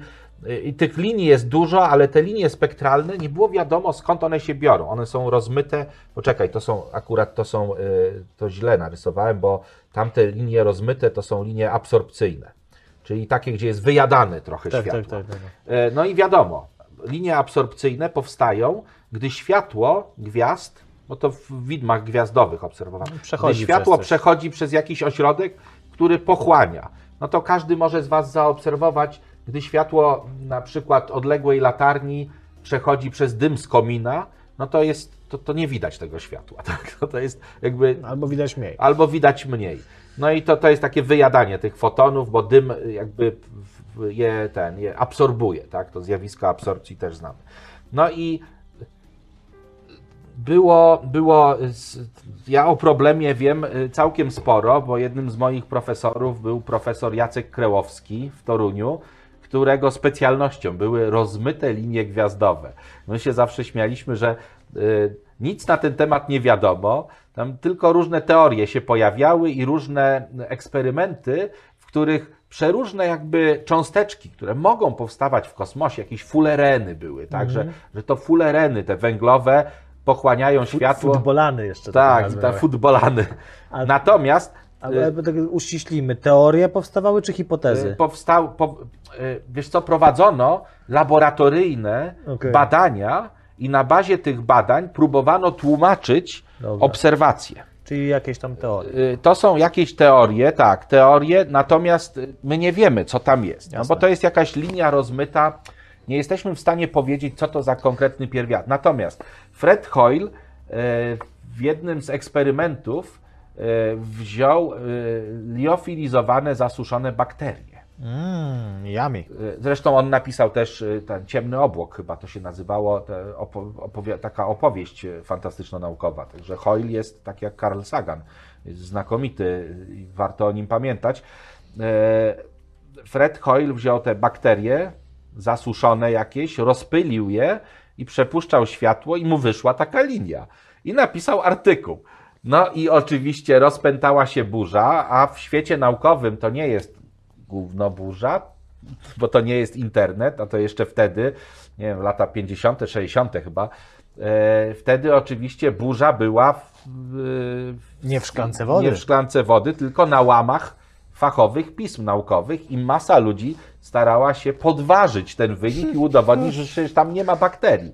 Dlatego, no i wszyscy cytowali artykuł Hoyla. E, natomiast e, I najwięcej co, cytowań ja ma szuka, z, szukam, dowcipu. tak. A wiadomo już, czym są te rozmyte linie absorpcyjne? Wiesz co, no, ja tego nie śledzę. A może bakterie? A może Kosmiczne. Kosmiczne Tak. niesporczaki. kos, możliwe, że to są tak kosmiczne. Część z nich z meteorytami przyleciała na Ziemię. Kto wie? George, kto wie? George Gamow. Tu jest jedno zdjęcie Gamowa, ale Dobra, wstawimy. Słuchaj. sobie, wpiszcie sobie w w Google'ach, bo Gamow zawsze jest na większości, akurat na tym nie, ale z papierosem, ale na większości zdjęć jest z papierosem i taki uśmiechnięty, albo z fajką. Popójmy troszkę, bo masz trochę książek. Mam e, trochę książek. y, Dwie książki są ewidentnie związane z tematem Mhm. i y, myślę, że tu- jest takie, takie społeczeństwo, taka, taka jakby grupa osób, które to oglądają, w większości doskonale chyba znają Michio Kaku. Misio Kaku. Misiu Kaku. Kaku. Kaku, Kaku, misiu. kaku. Też masz trochę książek. Może nawet tę masz książkę. Chyba masz tę Zaraz książkę. zobaczę. Tak. E, No, tak, no. wi- widzę po okładce, to jest ta, ta niebieska. A jeszcze jakąś miałem. Ja, ja też mam tą, y, bo, bo wychodziła, wy- wychodziła w Pruszyńskim i spółce taka e, cała seria jego książek.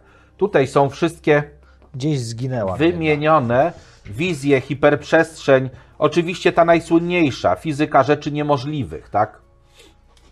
E, to, jest, to jest właśnie to. Y, Ja się chciałem pochwalić teraz. A masz arto, arto, artogłaf? Ale mam właśnie w tej, której nie mam, wiesz? A. w fizyce rzeczy... Wiesz co, ja wiem jak się Kaku podpisuje, to on, on Możesz takie, takie, takie, takie K i, i K. Tak.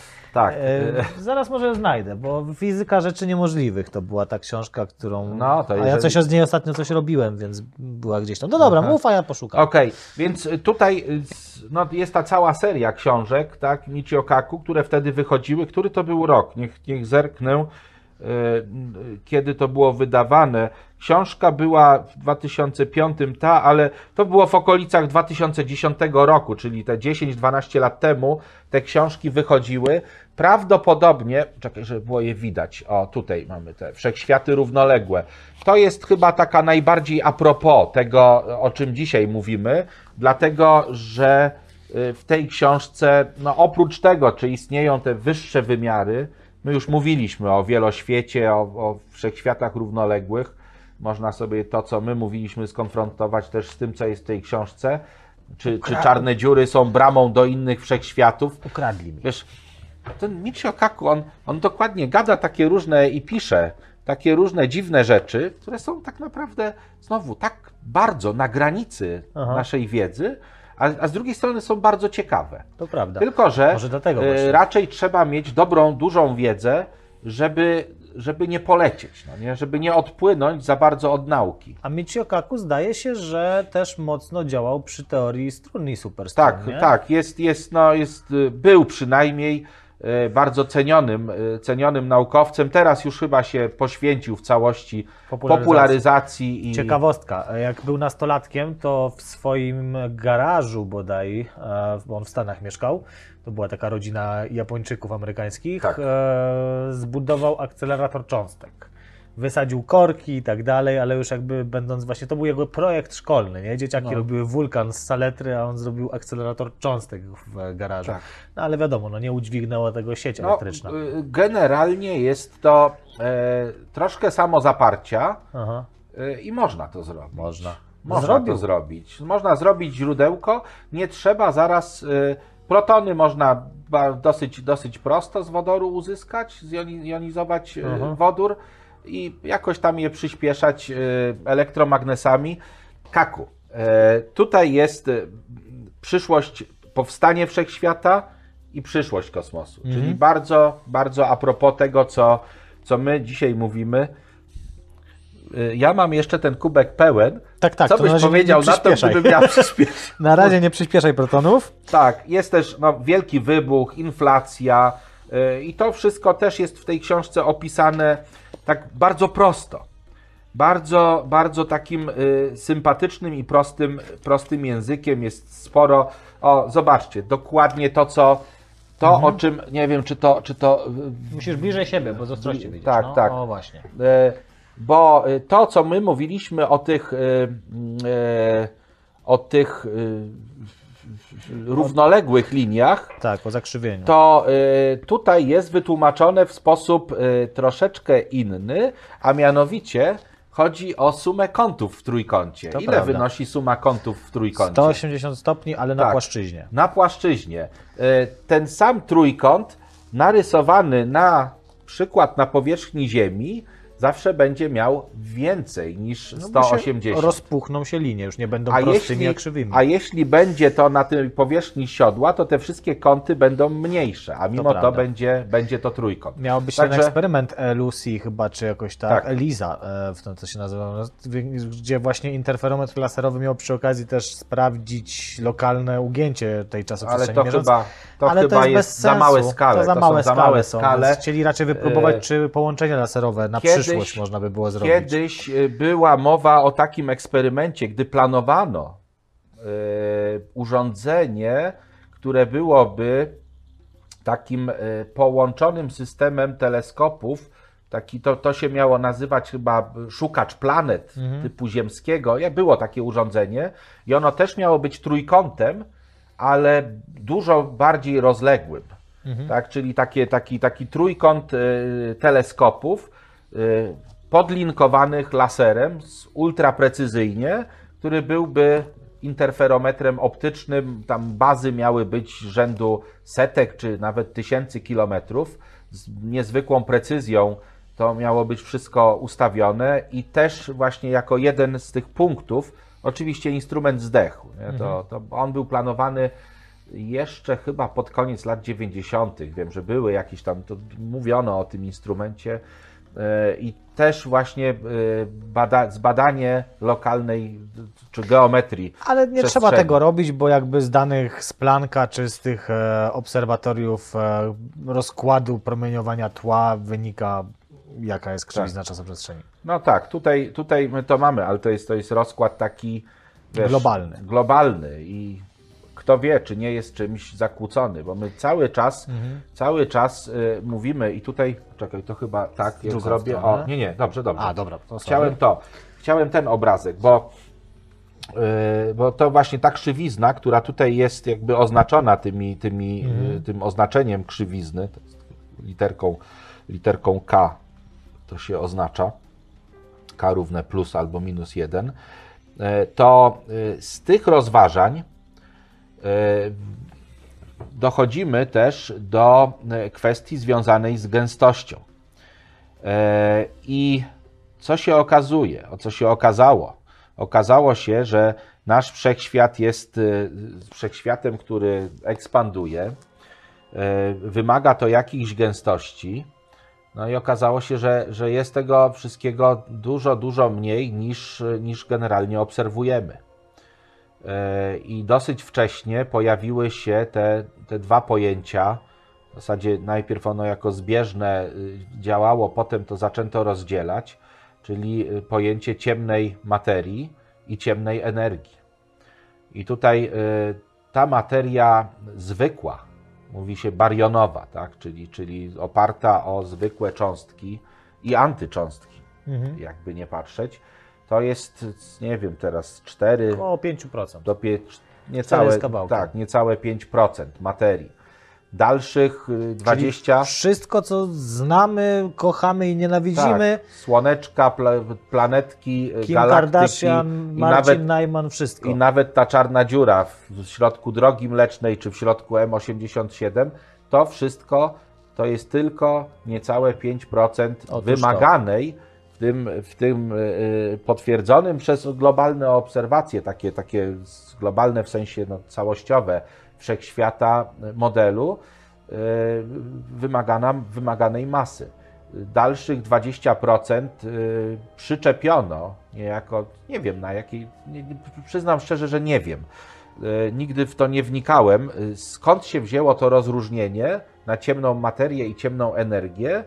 I dlaczego akurat tyle ciemnej materii? Bo tam chodzi o, o grawitację przede wszystkim. Chodziło o ruch obrotowy galaktyk, Tak. że jakby wynikało z niego, że żeby się te galaktyki nie rozpadły, to coś musiało spowalniać tak, ma, coś, co, coś, co ma grawitacyjne i właśnie no i dopasowano, oszacowano to po prostu wiesz, przez na- ilość galaktyk, które Tak, dwadzie- są na i tak dalej. 20% to jest ta tak zwana ciemna materia, y, co do której nie wiadomo czym jest. Jest mnóstwo tych teorii, tak, jakieś tam Mnóstwo. y, czarne, czarne karły, nie wiem, jakieś aksjony, jakieś jejku, Są te cząstki, yy, moc, ten, jak to ultraciężkie cząst, cząstki ło- łospy, tak? Tak, łospy, tak. E, Czarne dziury, e, prawda? Ostatnio pojawiła się też dosyć ciekawa hipoteza, czarne dziury. Też, ale pojawiła się dosyć ciekawa hipoteza, że za właśnie ciemną materię może być odpowiedzialny też zimny gaz międzygwiazdowy i to też jest jakaś tam teoria, która faktycznie może mieć tutaj sporo e, racji. Więc albo są to jakieś cząstki nieznane nam jeszcze i teraz pomyśl o tym, że jeżeli 5% to są bariony, Mówiłeś o tym A zimnym gazie, to tak mi się to... zimne piwo na blato. A, gazowane, zimne piwo, tak. Natomiast e, jeszcze nie idąc na urlop, to, e, to pomyśl o tym, że jeżeli 5% materii barionowej jest tylko zaokrąglając i te 20 kilka mamy ciemnej materii, reszta to właśnie ma być ta ciemna energia odpowiedzialna za rozszerzanie się wszechświata, bo, bo to jakby jest postulowane, co nie znaczy, że jest prawdą, ale jakby to się składa do kupy póki co, no to jeśli by to były jakieś cząstki, a nie ten zimny gaz, czy prawda, jakieś czarne dziury, czyli coś znanego nam, to wyobraź sobie, że obok nas, zupełnie nie interferujący w żaden sposób z naszym promieniowaniem elektromagnetycznym, więc nie możemy w normalny sposób tego zbadać, bo na tym polega ciemna energia, ciemna materia, że właśnie tak jakby nie oddziałuje z naszą materią w żaden sposób przy pomocy promieniowania na przykład elektromagnetycznego. Nie możemy wizualnie obejrzeć Tak. na jakichś innych falach i tak dalej. Grawitacja to jest jedyne, Tylko co, co tutaj tak. działa. To wyobraź sobie, że gdzieś tu obok może być cały inny wszechświat. Z, z takim Leszkiem i Piotrem, którzy też gdzieś tam sobie mogą o różnych rzeczach mówić Teraz. i mówią o takiej małej anomalii we wszechświecie, takie kilka procent dosłownie, Tak. że nie wiadomo czym Że jest. tam takie dziwne fotony są.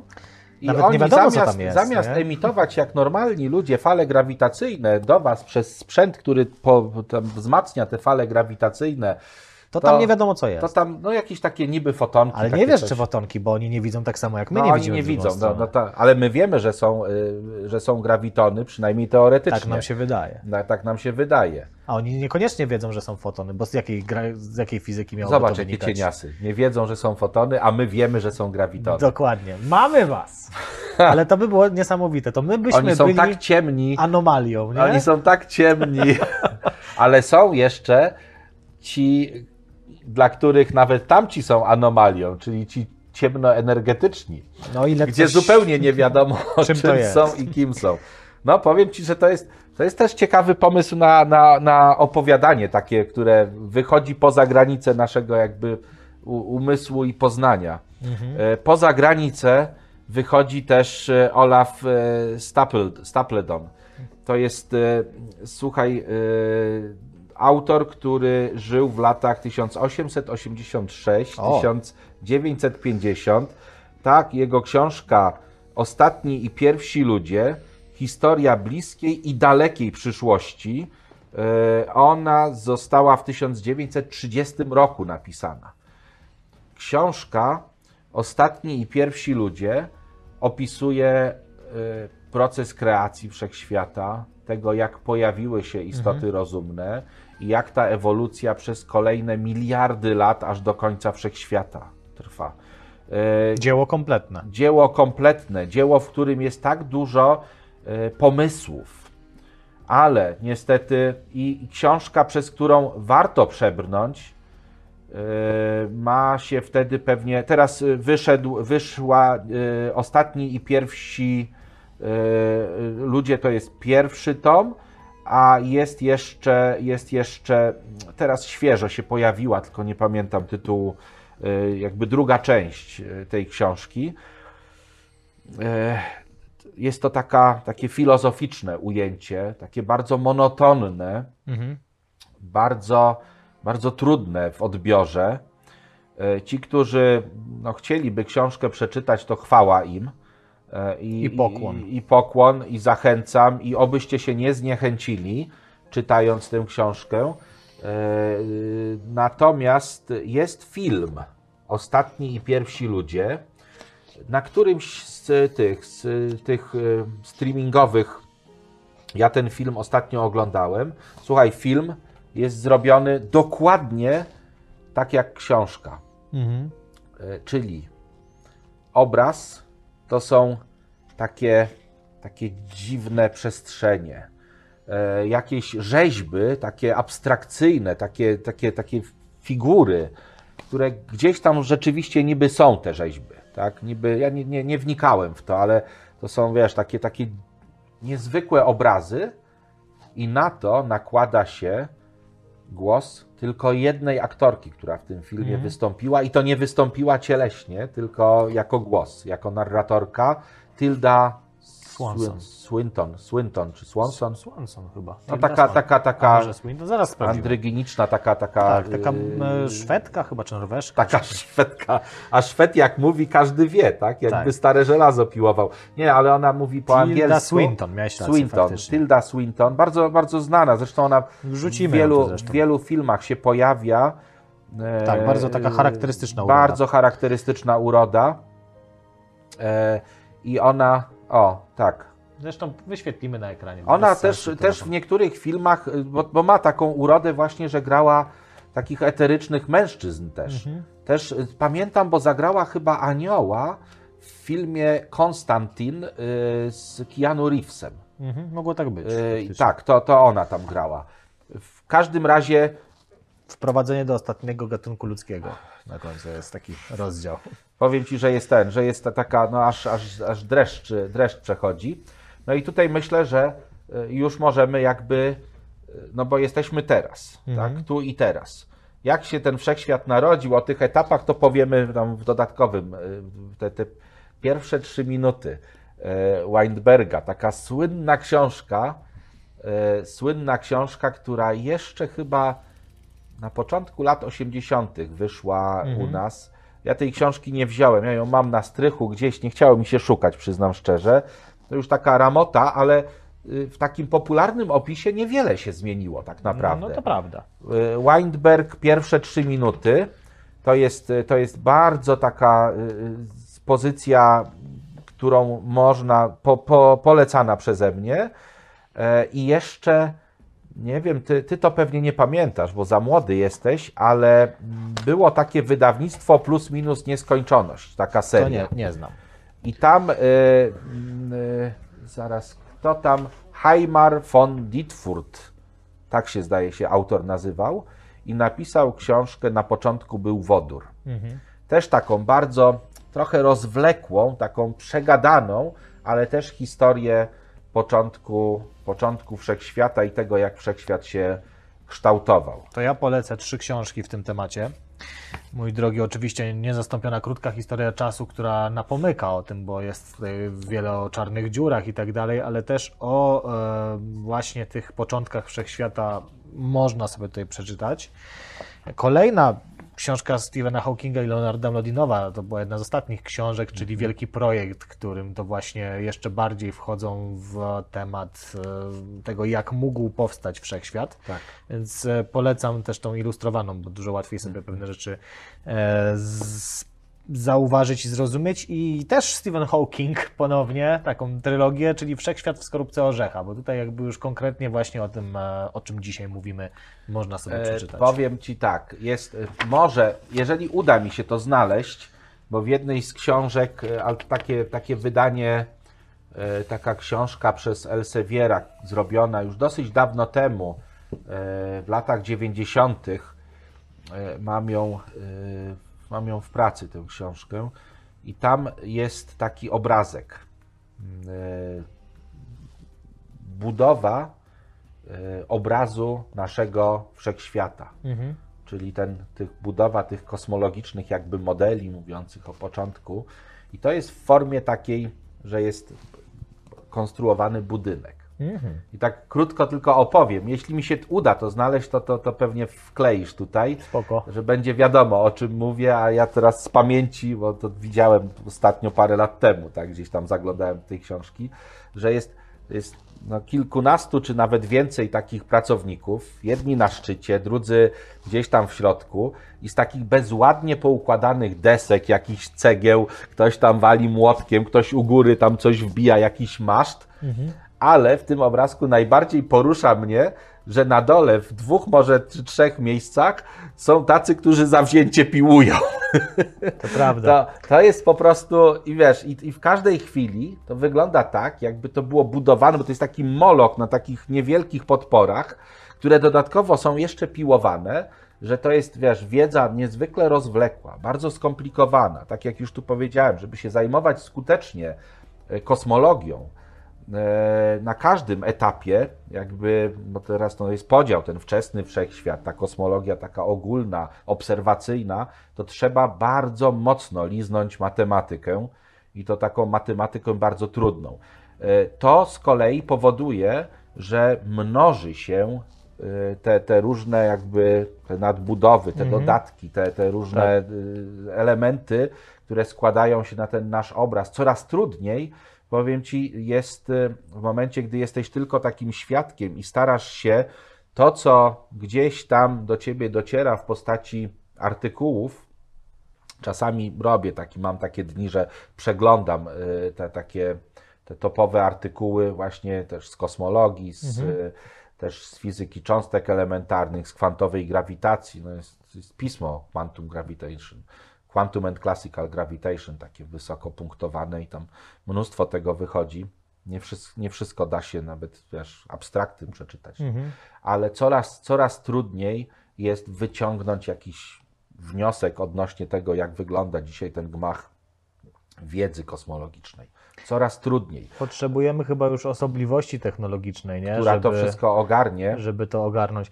Natomiast ja, ja, ja bym to fajnie ubrał w jakiś taki, żeby, żeby to wyjaśnić, nie? Bo, bo niektórzy mogą odnieść wrażenie po tym, co tutaj mówimy, że to wszystko jest do kosza i właściwie nie potrzeba się tym zajmować zupełnie i jest to bez sensu. Nie, to jest, wyobraźcie sobie tak, jakbyście składali Lego. Odniosę się znowu do, do klocków. Masz, masz do Lego sentyment. Mam, lubię Lego. E, to jest tak, jakbyśmy składali z Lego jakiś tam obiekt, który wiemy, że to jest to mniej więcej, ale nie mielibyśmy instrukcji do tego, nie? Tak. Wiemy mniej więcej, jak to złożyć. Mamy klocki, które się na to składają. Część jest jeszcze w torebce, nieodkrytych, prawda? No i zaczynamy to składać. Składamy jeden model. No kurde, nie przypomina to domu, nie? No to składamy inaczej, spróbujemy to ułożyć w inny sposób. Okej, tu już przypomina bardziej, ale dlaczego drzwi są w dachu, a, a okna gdzieś tam? Więc zaczynamy to układać na nowo i na nowo i na nowo. Część Tak. nadbudówek, które robiliśmy, okazują się bez sensu, ale dzięki nim się okazało, że potrzebujemy jakiegoś elementu w dachu i wtedy to wszystko siedzi, nie?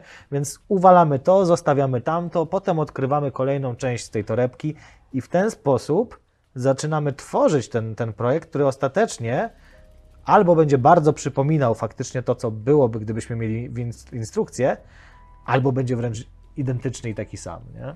Albo okaże się, że prawda jest jakąś, nie wiem, rakietą, którą z tych samych klocków, jakie dobrze poukładasz, e, będziesz mógł zbudować, pod warunkiem, że po drodze jeszcze dokupisz ze dwie torebeczki. Może tak. Tak może być. To, to ja widzę, że to jest chyba takim takie już w tej, w tej e, antologii. Antylopie. Skoro antologię, to od razu, e, od razu polecę, tylko polecę radzieckiej fantastyki. To teraz, e, e, żeby, żeby ktoś sobie nie pomyślał coś, tak, to jest klasyka radzieckiej fantastyki. Tu są naprawdę zacne nazwiska uznanych twórców, e, takich jak chociażby Bułhakow, tak, który też fantastyką się, jak wiadomo, zajmował. E, A mistrz i Małgorzata No też nie jest to literatura faktu. jeżeli ktoś tego jeszcze nie przeczytał, to to jest jedna chyba z najważniejszych książek, tak, jakie w ogóle są dla wszystkich, którzy się choć trochę fantastyką zajmują. W sumie tak, Rosja może i powstała po to, żeby właśnie Buchakow się mógł urodzić Tak. i napisać, co Rosja, napisać. A teraz Rosja jak widać...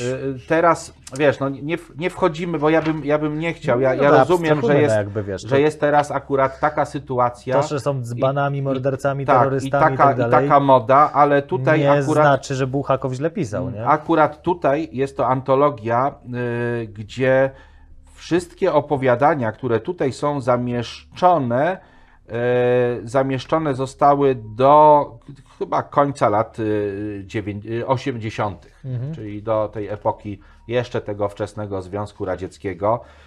Jest tutaj no, z takich znanych oczywiście nazwisk są bracia Strugaccy, Siergiej Sniegow, ten od dalekich szlaków, taki ten od Ludzi jak bogi, ludzie jak bogowie, ta trylogia, fenomenalna, aczkolwiek jest tutaj akcent czysto polski, to tak prześmiewczo mówię, Ilia Warszawski. Też, też bardzo, bardzo fajnie. Kir Bułyczow, wspominaliśmy go nieraz, bo on ten wielki guslar napisał, tu opowiadanie ostatnie 100 minut, ale przede wszystkim, moi drodzy, to co chciałbym polecić, znaczy ja wiem z rozmów, tak? Ja wiem z rozmów, natomiast o tyle, dokładnie tyle w tej książce, to jest przedmowa. Mhm. Przedmowa, którą napisał Wojtek Sedeńko, szef tego wydawnictwa. Zresztą on wydaje też Sfinksa. Mhm. Za chwilę też o nim tam parę słów Och, powiem. Będziecie musieli się potrudzić, tak. żeby go zdobyć. I, I ta książka, ja jeszcze część opowiadań znam, część opowiadań muszę przeczytać, bo tę książkę ja y, przed przyjazdem tutaj dzień wcześniej odebrałem. Pojechałem specjalnie mm. rowerem. To dlatego ten rower. Tak, dlatego ten rower. Pojechałem po tę książkę i po jeszcze jedną, ale o której tam y, kiedyś powiem, jak Dobra. zostanie wydana, bo tak ona już jest, ale jeszcze jej nie ma. Leszek e, jest tym demiurgiem, który wydaje książki. To znaczy, ma książki, których jeszcze nie ma, tak? Z podlady. E, nie, nie, bo tam musi być pewna, są pewne no, jakby no, kwestie, kwestie wydawnicze, które muszą być zachowane. Bardzo polecam, proszę się nie zrażać. Fantastyka radziecka, też częściowo, no nie wszyscy autorzy, wielu autorów jakby odżegnuje się, tych współczesnych rosyjskich autorów odżegnuje się. E, wielu e, też, e, wielu autorów też doszło do takiego poziomu, że mieszkali albo mieszkają cały czas poza granicami Rosji, mhm. bo po prostu im nie odpowiadało, nie? że oni no nie, nie lgnęli jak muchy, jak jak muchy, czy Sigale, czy Depardieu do, do Putina, no. tylko wręcz w drugą stronę uciekali. No, słuchaj, no powiem Ci tak, tam nie jest łatwo ludziom, którzy są wolnomyślicielami, więc tak. nic dziwnego, że uciekają tak, stamtąd, tak, nie? Tak, i teraz, i teraz widać, no niestety, no to się wszystko dzieli na te, tu mówi się o nuce, tak, e, dzisiaj, na te onuce takie, takie putinowe i na tych, którzy mniej lub bardziej stłamszeni, no, no próbują jakoś się z tego wyrwać, Słuchaj, a, a są myślę, bezsilni. Że, jest, że tutaj wiele doktoratów, że tak powiem, socjologicznych tak. i geopolitycznych Natomiast, powstaje na tym właśnie, jak ludzie tam są wiesz, zdeptani. Mi te reakcje, reakcje tak czasami właśnie na, na kulturę i sztukę yy, nie wiem, jak na to reagować. Nie? To jest, to jest, ale nie wchodźmy, bo to, to jakby to nie jest, to nie jest nasza rzecz. ta książka, ta książka jest absolutnie fantastyczna i jeszcze Popatrz. zanim się ukazała, to, to Wojtek mówi, że wydawca mówi, że dużo miał już zamówień, bo, bo ludzie kochają fantastykę, dobrą fantastykę. Ciężka A radziecka, fantasty, radziecka fantastyka, e, tak jak polska, to był woal. Mhm. Ci ludzie myśleli o wolności, znali wolność, ale nie mogli o niej pisać. To tak samo jak w stanie wojennym, czy wcześniej, za czasów komuny, E, polscy autorzy, tacy jak Zajdel, mhm. jak, jak e, Oramus, e, też musieli ukrywać pod płaszczykiem fantastyki swoje przemyślenia.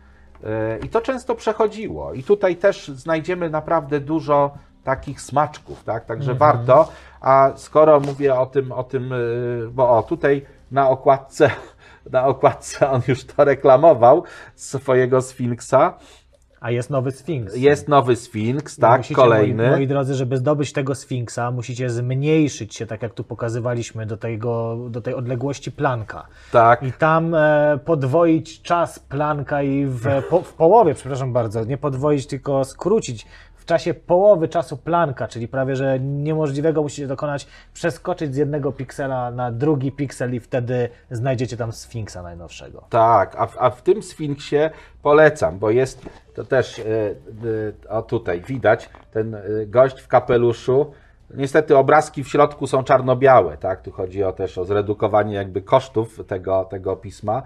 To jest Jasiu Maszczyszyn, mhm Znak, znakomity, znakomity pisarz, y, który jeszcze chyba na początku lat 80.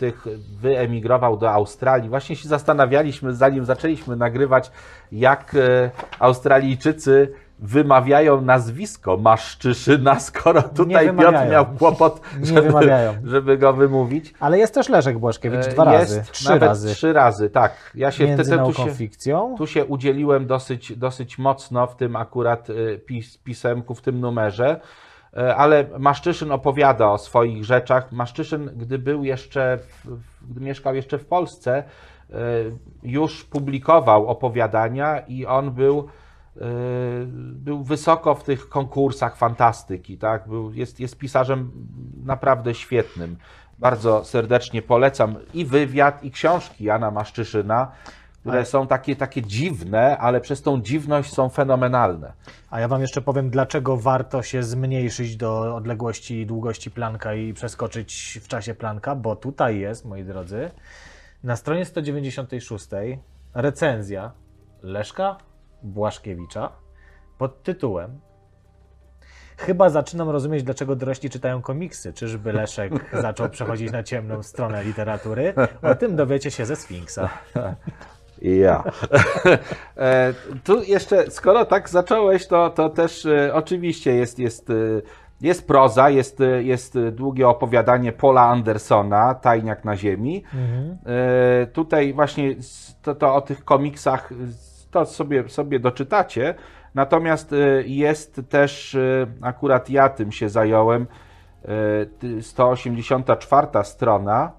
E, Moi drodzy, postanowiłem napisać i o tym też może, może teraz albo w następnym odcinku trochę więcej też sobie o tym powiemy. Postanowiłem napisać w takim kąciku fantastyczna muzyka o Klausie Szulce. I to, było, to była rzecz, rzecz przygnębiająca, bo ja ten tekst wysłałem, tutaj też są jakby wypowiedzi Szulca, oczywiście nie dla mnie, tak, ja to, ja to wziąłem z archiwalnych wywiadów, po, pokompilowałem pewne rzeczy, bo Klaus Szulce tam najpierw, najpierw był y, zaproszony do tego, żeby soundtrack do tej pierwszej Duny linczowskiej robić, ale w końcu to się wszystko rozmyło. Natomiast y, teraz wyszła książka Piaski, y, nie książka, tylko płyta 10, 10 czerwca. Nie wiem kiedy to będzie, to, to już, już na dniach z naszego tu i teraz, tak? Być może, być może to. Już, ci- już Ci y, mówię, kiedy będzie. To jest chyba Arrakis płyta z której już jeden utwór został y, opublikowany w Spotify'u. 6 czerwca będziemy mieli. Tak, no czyli, czyli po, tym, po tym naszym spotkaniu po, za kilka dni będziecie mogli szukać najnowszej płyty, która też jest jakby mocno powiązana do Herberta i do tego świata Dune. Y, Schulz był y, miłośnikiem tak, świata Duny, natomiast ta historia, która tutaj była, y, gdy, gdy to już było w składzie i praktycznie już był gotowy cały numer do wysłania do drukarni, to miało miejsce, to miało miejsce 26 e, Maja. y, y, Maja nie, nie, kwietnia, kwietnia, nie maja. 26 kwietnia nadeszła smutna informacja mm, o tym, że Klaus Schulze zmarł. Ja szybko telefon i do, do kolegi, który jakby zajmuje się składem, mówię, musisz to ścisnąć, musi być informacja. Jest informacja, że właśnie gdy znajdował się w składzie ten numer, to, to Klaus Schulze zmarł. 4 sierpnia miałby, skończyłby 75 lat. No Także niestety. tak to właśnie- Ostatnio czarna seria, jeżeli tak chodzi to o właśnie właśnie wygląda. E, Polecam, jest dużo fajnych tekstów w tym Sfinksie, e, jak zresztą zawsze, bo tutaj paru takich felietonistów. A o czym ja tutaj napisałem w ogóle ten, ten felieton swój? Mm. E, między, nie taki diabeł straszny? A o czym to jest? Bo już nie pamiętam. A, To sprawdzisz sobie później. O promieniowaniu i promieniotwórczości. A proszę Mamy bardzo. program. O, to jest, to jest też Mamy. fajne, bo jak my robimy program, to jak tam szukam troszeczkę jakichś materiałów, Zresztą mam też sporo jakichś tam starszych, to potem mam natchnienie, żeby No, usiąść i, i pewne I rzeczy Sfinks napisać. korzysta, także Sfinks korzysta. zmniejszajcie się i, i idźcie po Sfinksa. Tak. e, Słuchaj Leszku, To to, może- zanim, zanim przejdziemy, bo jeszcze chyba tak krótko e, o tym, O co końcu czeka chcę. wszechświat, O, tak, nie? tak. To ja cię chciałem uhonorować, bo nie wiem, czy wiesz, ale już rok Pop Science działa Już rok? praktycznie. Tak ostatnio mi donieśli, a O, jak nie, to kurczę. nawet jakoś tak koło roku już będzie, nie? O, o. Także gratulacje dla nas, bo, bo to jest Dla ten. ciebie przede gratulacje wszystkim, dla pana Braza, który nas tu wszystko robi. I słuchaj, my teraz e, Daj uhonorowaliśmy głos. naszych e, najbardziej takich wytrwałych patronów, którzy z nami już lata są, takimi właśnie przypinkami. Nie wiem, czy to będzie widać, czy To nie. trzeba do garnituru, nasz specjalną Dokładnie, okazję, do trumny. W każdym razie taką przypinkę też składam tutaj na Twoje ręce. O, dziękuję. Proszę Cię Dziękuję. bardzo. Także taki miły aspekt, zanim przejdziemy do tego liczna. Zrób, niemiłego słuchaj, aspektu zrób w takim samym tym, w takim samym, jakby w takiej samej tonacji, yy, zrób spinki do koszuli. O kurczę, to już w ogóle wszystko. By spinka do do krawatu, krawatu, wiesz, ten... Tatuaż na czole. Dokładnie to, jak on To będą te broszka. kolejne, kolejne stopnie wtajemniczenia. Dokładnie tak. Będzie możesz skompletować cały ten na galę później. Proszę bardzo. Gdzieś tam sobie przypniesz. Na, na Wejdera. Na Na Wejdera na czoło Wejdera. Otóż to. Dzięki. E, dobra, Dzięki. więc tak, wiemy już, znaczy wiemy, no nie wiemy jak się wszechświat zaczął, ale pokazaliśmy mniej więcej w jakim kierunku naukowcy działali, e, żeby spróbować to odgadnąć, ale idąc tutaj tym, co, co, co widzimy tutaj, czyli czy wszechświat będzie w stanie stacjonarnym, będzie Mhm. w nieskończoność po prostu już się rozszerzał, e, czy będzie się zapadał, czy będzie gdzieś tam e, taki sam, No tak, tak. To, to różne są jego końce. No, generalnie tak, przy tej krzywiźnie zero, no to nie wiadomo, tak, no, skłaniamy się ku nie wiem czemu, ja tak naprawdę nie wiem, bo to są tak doniesienia na dwoje, jesteśmy bardzo blisko tej krzywizny zero, że nie, nie wiemy, co tam się, no właśnie, był przez, przez wiele lat było to, że ten wszechświat jednak troszkę przyspiesza. Jakieś tam obserwacje były y, supernowych w odległych galaktykach, że niby jest ta, ta ekspansja y, jest coraz szybsza. Teraz y, gdzieś czytałem, że, że jednak chyba nie, że jeszcze w większej skali ona zwalnia, że, że też my, my cały czas y, jakby mamy i chyba powinniśmy rozważać y, te dwa scenariusze, abstrahując od tego, że nas już dawno nie będzie, tak? Bo ja nie wierzę, że ludzkość przetrwa. Nie musimy się tym przejmować Tak, nie musimy się tym przejmować e, jakoś szczególnie, natomiast no, fajnie jest przynajmniej taki zrobić sobie takie ćwiczenie, ćwiczenie e, umysłowe. Ale wiesz, z drugiej strony, jeżeli się okaże, że ludzkość jednak przetrwa, to dobrze wiedzieć. E, o tej książce już chyba mówiliśmy, tutaj tą tabelkę trzeba by przywołać, tak? Tam będziesz ją jakoś udostępniał prawdopodobnie gdzieś na stronie, e, bo to, to dla mnie to, Tak. to trzeba powiedzieć, bo było to tylko w Astrokawie twojej powiedziane. Chłopaki, którzy zrobili e, spis wszystkich książek, muzyki, wszystkiego, seriali, filmów, które pojawiły się w Pop Science. Macie link do tego w opisie, moi drodzy, w tym momencie tego Tak. filmu.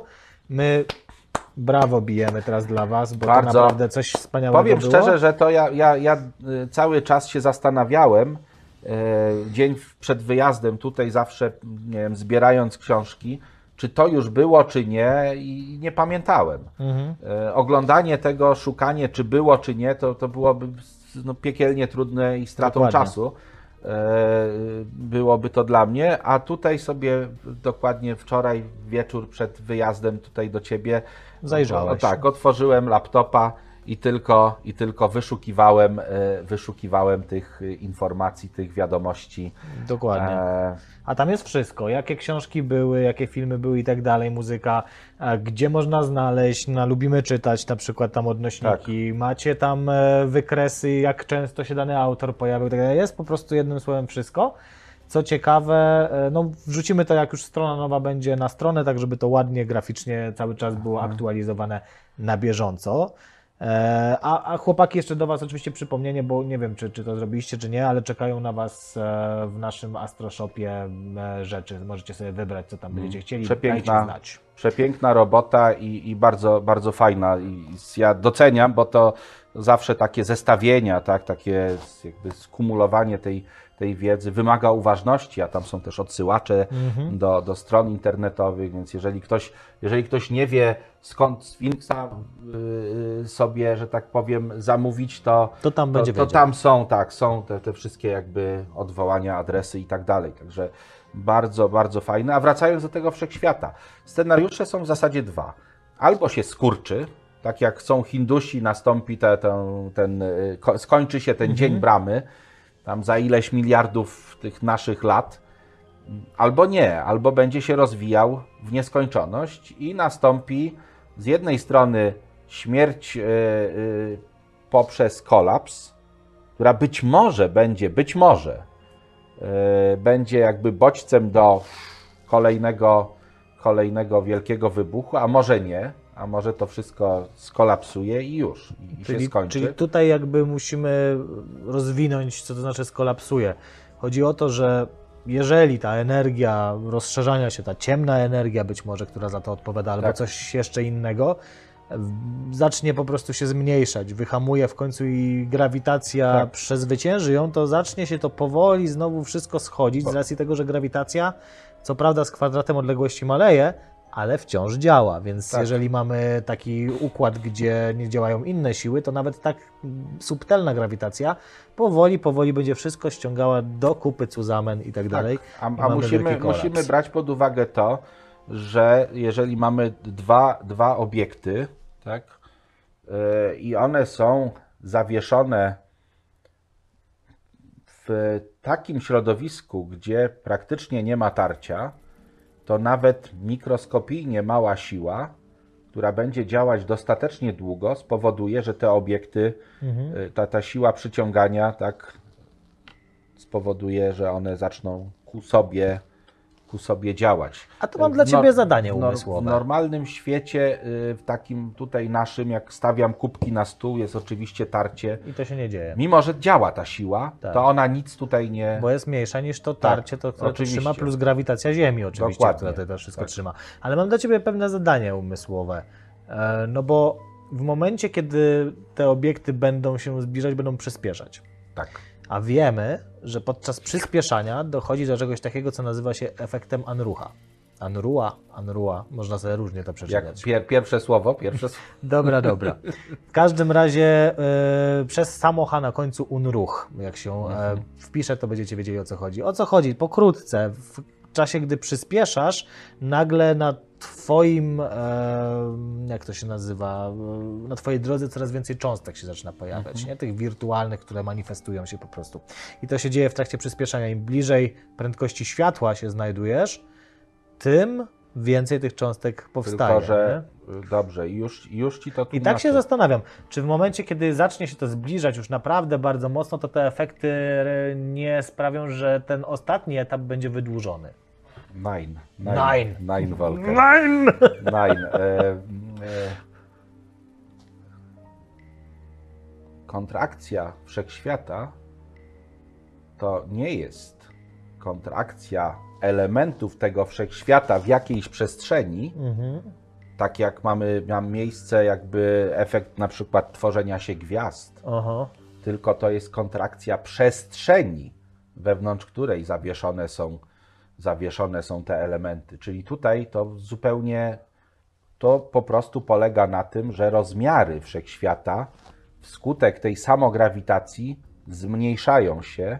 Aha. To jest tak jak dmuchany Okej. balon, tak? Nadmuchamy go, a potem wypuszczamy powietrze i tak naprawdę to nie te punkciki, które narysujemy na balonie się do siebie zbliżają, tylko cały choć balon. też, Się, choć też, bo grawitacja będzie działała, więc też. grawitacja, ale to będą jakby najpierw lokalne, Aha. a potem będzie to wszystko już taki Tak. kocioł. No dobra, to z Że- drugiej strony, jeżeli energia ta ciemna rozszerza tą całą czasoprzestrzeń, bo to jakby Mhm. puchnie ona właśnie dzięki temu, przynajmniej na tym etapie, no to w momencie, kiedy ona będzie mniejsza, a jednak tu mówimy o tym, że grawitacja zdominuje to, no nie? to czy grawitacja będzie ciągnęła czasoprzestrzeń, czy to, że zawieszone są tam gwiazdy, galaktyki, supergromady będą razem ściągać tę czasoprzestrzeń? Myślę, że, że wiesz, no, czasoprzestrzeń jest jakby. Bo to jest to, co mi zawsze chodzi w po teorii głowie. względności jest absolutnie połączona z materią. Mhm. To jest jakby, to stanowi jedno. Materia to jest energia, która też buduje czasoprzestrzeń. Więc jedno jest. Ja, ja właśnie nie wiem, czy, czy tutaj, y, bo, bo nie jestem w stanie powiedzieć, jak y, wyglądają dzisiaj te wysiłki fizyków, teoretyków, kosmologów ku unifikacji e, jakby opisu tego, tego całego wszechświata, tej teorii wszystkiego. Ale myślę, że ta unifikacja, jeżeli nastąpi, ona spowoduje, myślę, że jakiś miarę elegancki opis, który nie będzie traktował tak jak, y, tak jak teoria względności, yy, geometrii przestrzeni i masy czy energii jako rozdzielnych, tylko że będą to splecione ze sobą, nie uzależnione od siebie, ale splecione ze sobą elementy, które staną się jednym, tak, w opisie. I Okej. myślę, że to jest, to jest takie, no ja sobie to wyobrażam jakoś Jasne. nie, być może po teraz gadam bzdury, natomiast wydaje mi się, że, że ku temu to wszystko powinno zmierzać, e, bo tak naprawdę e, wszystko, co dzieje się w kosmologii, i to jest, e, jeśli mogę, tak, jeszcze o jedną tą dalej, to jest znowu, zobacz, to jest znowu coś takiego, że e, czas, powiedzmy, płynie w tę stronę, e, ale tutaj my zbliżamy się do, e, do, do jakby do tego miejsca mm, końcowego, Mhm. tak? E, Natomiast ten czas, no jakby coraz, może nie coraz szybciej, ale zjawiska rozgrywają się coraz szybciej. Natomiast tutaj będzie, będzie energia, tak? Tutaj będzie, będzie energia. I znowu ta energia rośnie w tą stronę, więc tutaj jest ta energia bardzo mała. Tutaj w momencie, gdy mamy tą energię najmniejszą, no to y, mów- chciałbym o tych oddziaływaniach troszkę powiedzieć. Oddziaływanie elektromagnetyczne, oddziaływanie e, słabe, oddziaływanie, e, może źle to narysowałem, tu powinna być energia, tu powinna rosnąć energia, ten czas może nie mieć znaczenia. Energia y, zmienia się w czasie i rośnie coraz bardziej w miarę jak wszechświat się kurczy. Tu jest oddziaływanie silne, tu jest y, dalej jeszcze to, które ciężko jest opisać nomenklaturą fizyki kwantowej, czyli grawitacja.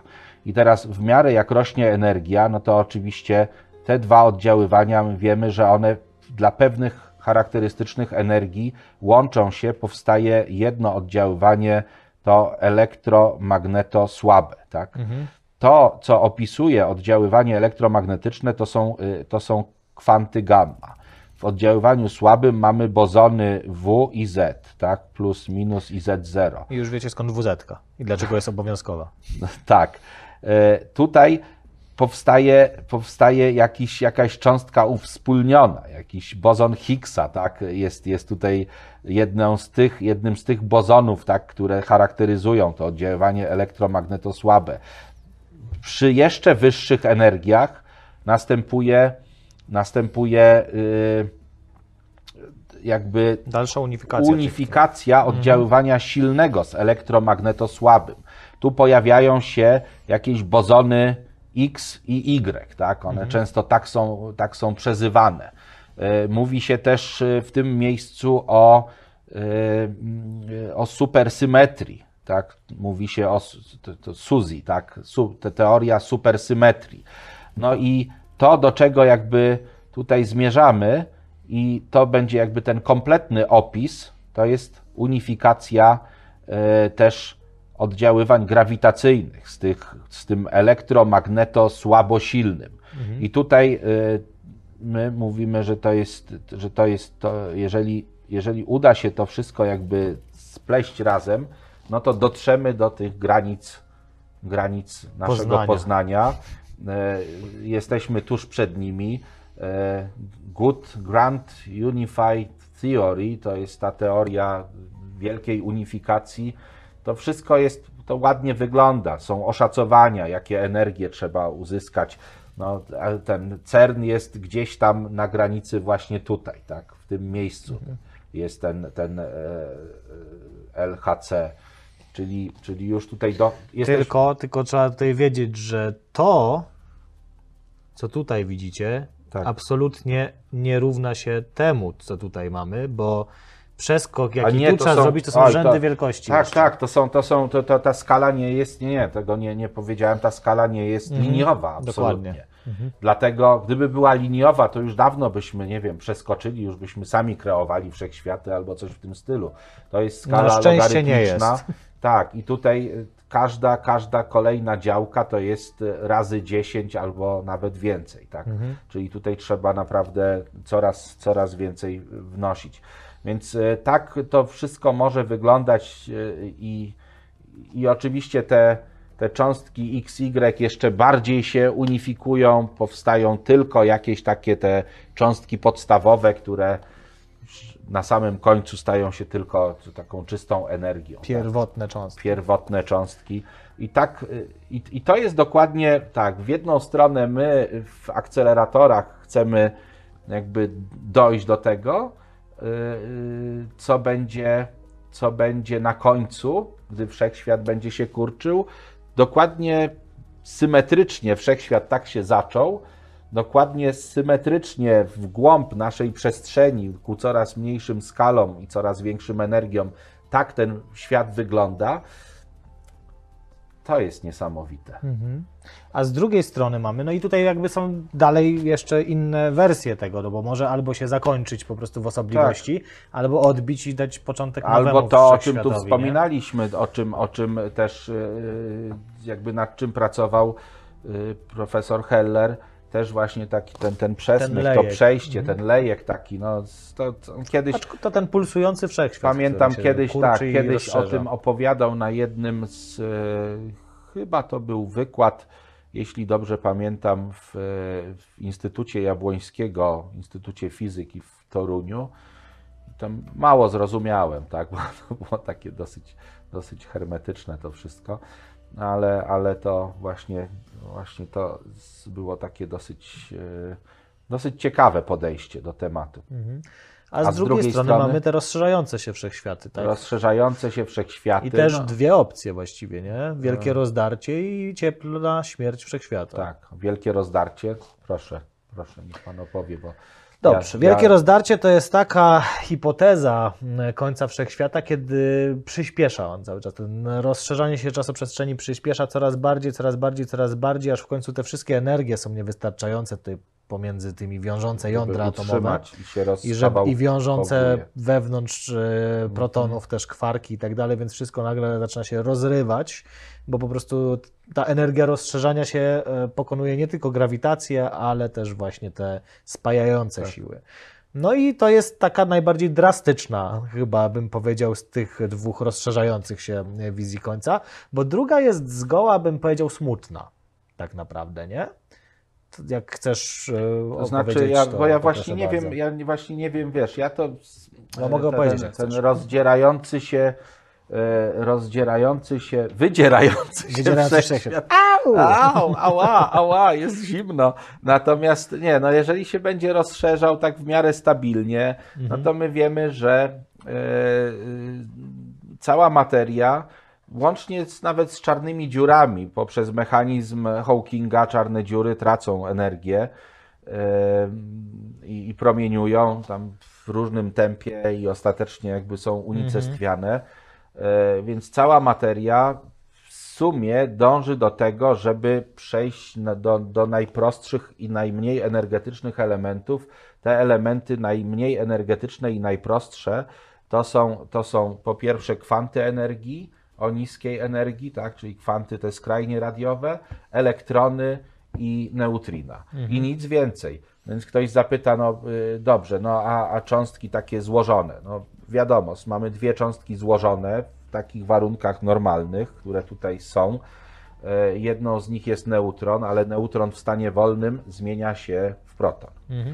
E, Po kilkunastu minutach zdaje się. tak, po, znaczy tam dziew- dzie- 930 sekund, nie pamiętam, y, jakiś taki... Tam liczyliśmy do kiedyś. Tak, tak, kiedyś to mówiliśmy.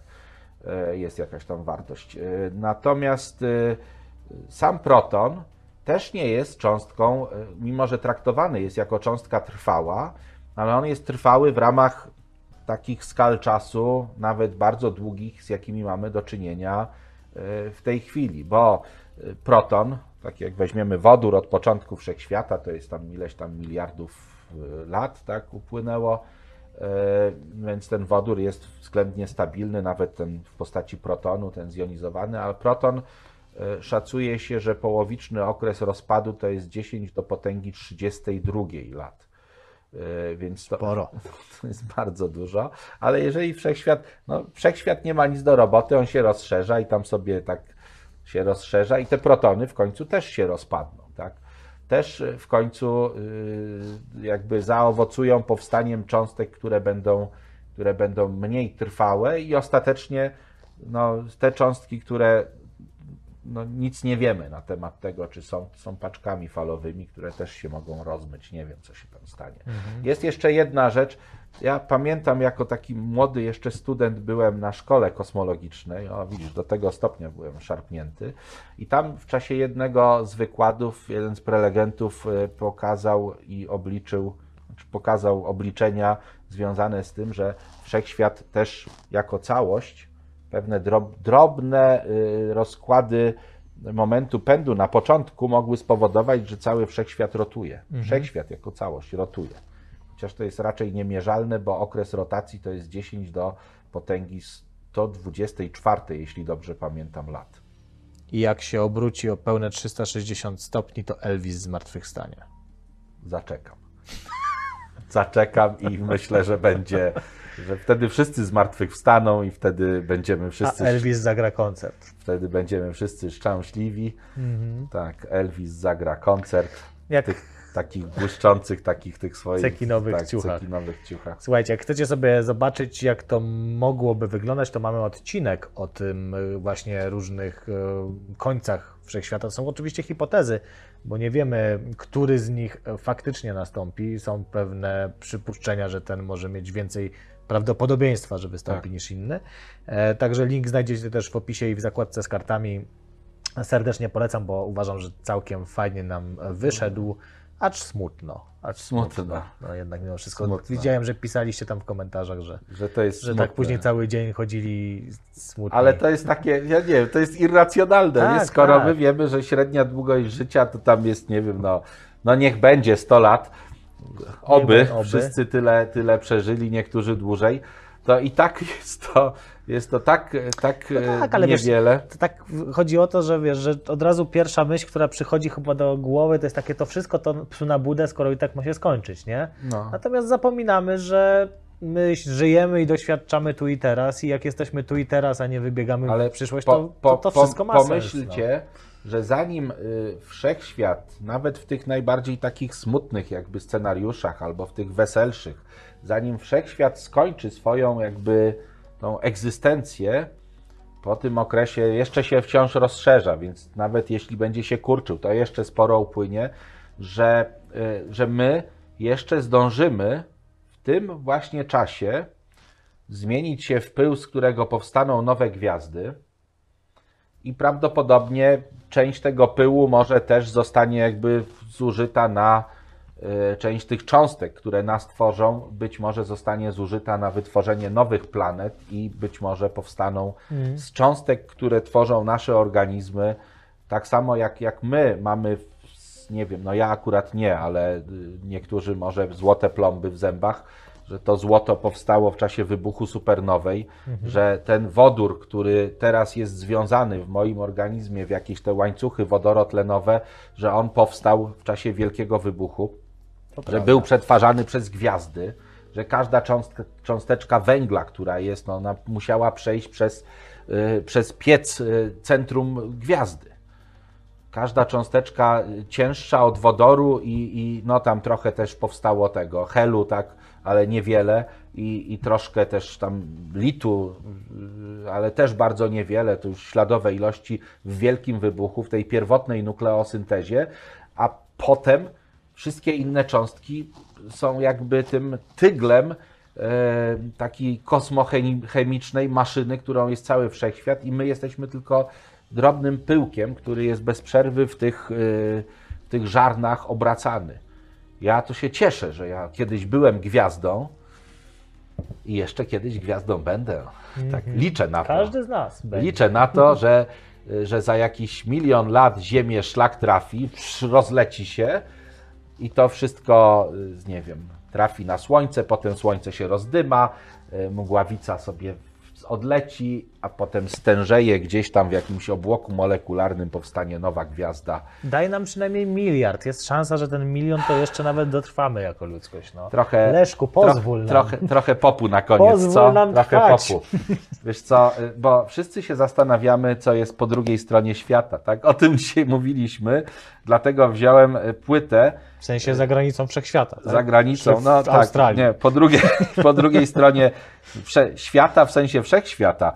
E, Marek Biliński to jest, to jest płyta po drugiej stronie światła, natomiast w niej, na niej znajduje się koncertowe mm, wy, wykonanie utworu po drugiej stronie świata z takiej płyty E równa się MC kwadrat, E nie jest równe MC kwadrat, y, którą tutaj już kiedyś prezentowaliśmy, ale ta płyta jest bardzo fajnie zrealizowana, bardzo dobrze, bardzo dobrze nagrana.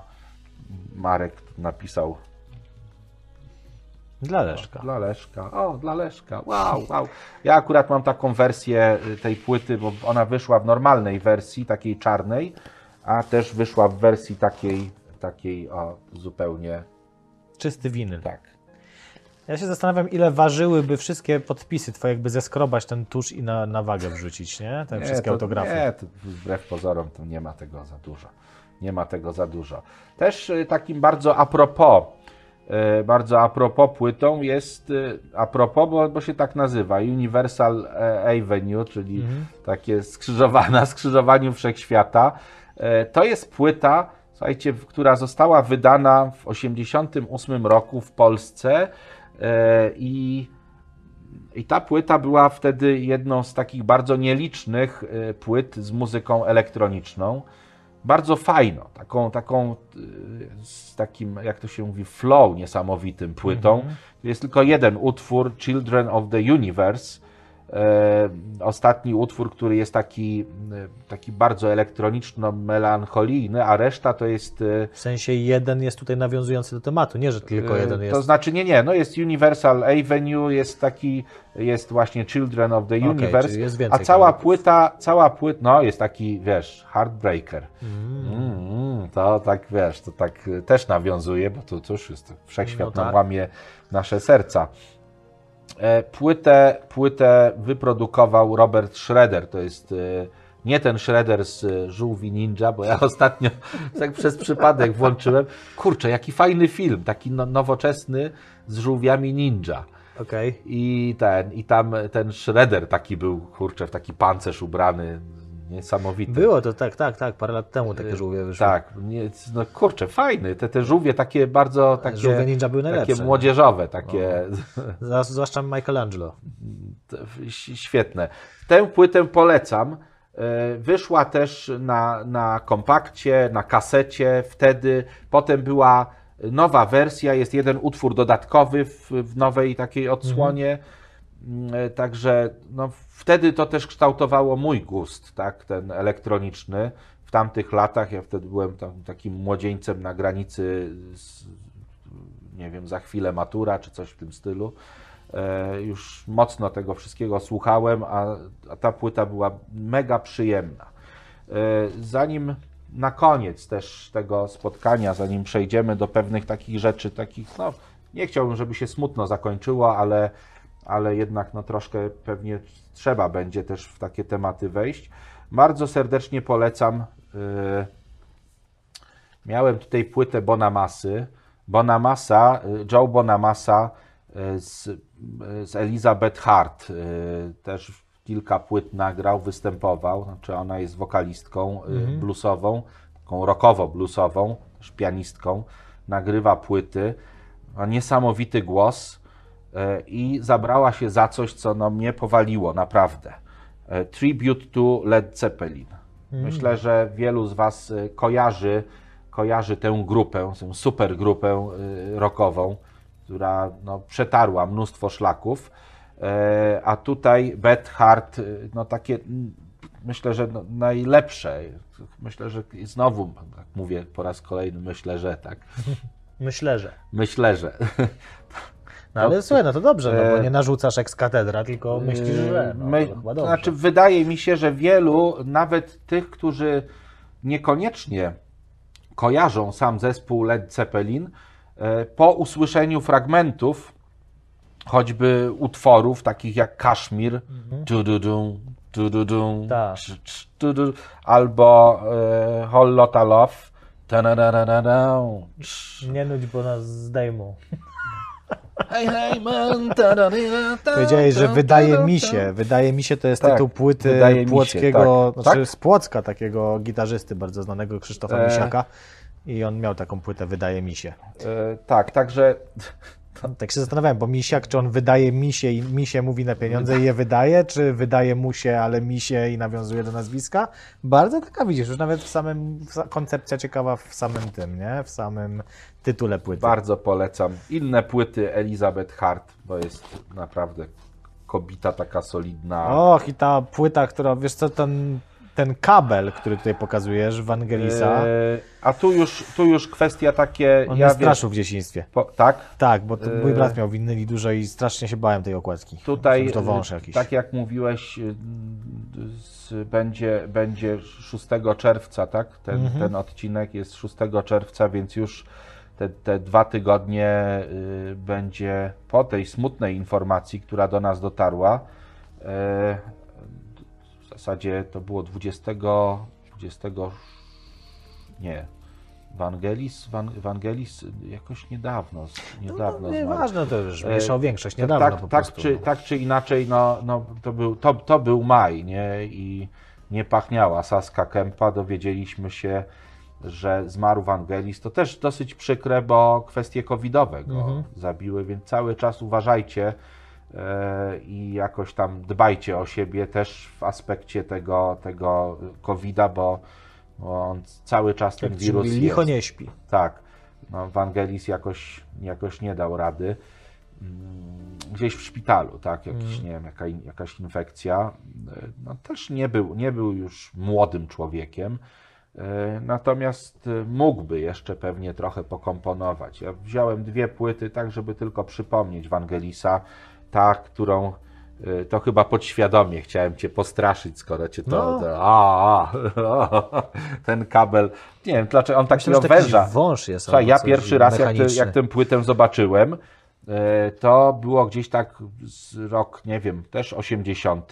Ja myślałem, że to jest jakiś. Ja nie wiedziałem, co to jest e, Jack, no nie? No Wtedy. tak, dokładnie. Bo były takie te piątki, te, te wejścia takie. Pinowe te, takie, tak, no. takie, Diny chyba, takie, tak się to no. nazywało. E, A Jacki były, wiesz, to jeszcze. U, u, u. Dopiero później, wiele lat później, chyba pierwszego Walkmana sobie kupiłem, bo pracowałem. Słuchaj, całe wakacje pracowałem w tartaku i po zarobieniu ciężko tych pieniędzy wystarczyło mi na Walkmana, którego kupiłem na bazarze, chyba w Gdyni wtedy. E, Pozdrawiamy pana sprzedawcę z Gdyni na bazarze. e, I wtedy ten, słuchawki miały małego Jacka. Nie? Przypomnij mi, Stereo. przypomnij mi o tym. e, W odcinku specjalnym opowiem moją historię z bazaru. A, dobrze, to, to będziemy. Tutaj jest ten utwór, który też może starszym osobom się kojarzy, bo czołów, był czołówką brum, brum, brum, tam takiego programu sportowego, tak, jakiegoś. Coś było. E, tak, jest tutaj ten utwór, utwór Spiral, to jest ten tytułowy utwór, a tu jest sam z tamtego okresu, sam mistrz Wangelis. Z pałką. Z pałką, tak, podpiera się z pałką. I Tarktika. Tarktika. Tarktika. O Jezu, to się przykleiło. No już nie, nie zdejmuj. Nie, nie będę tego Antarktyka zdejmował. Antarktyka. E, Ta płyta jest o tyle, o tyle ciekawa, ona wyszła gdzieś tam, ale winyl no przede wszystkim e, ukazał się w Japonii.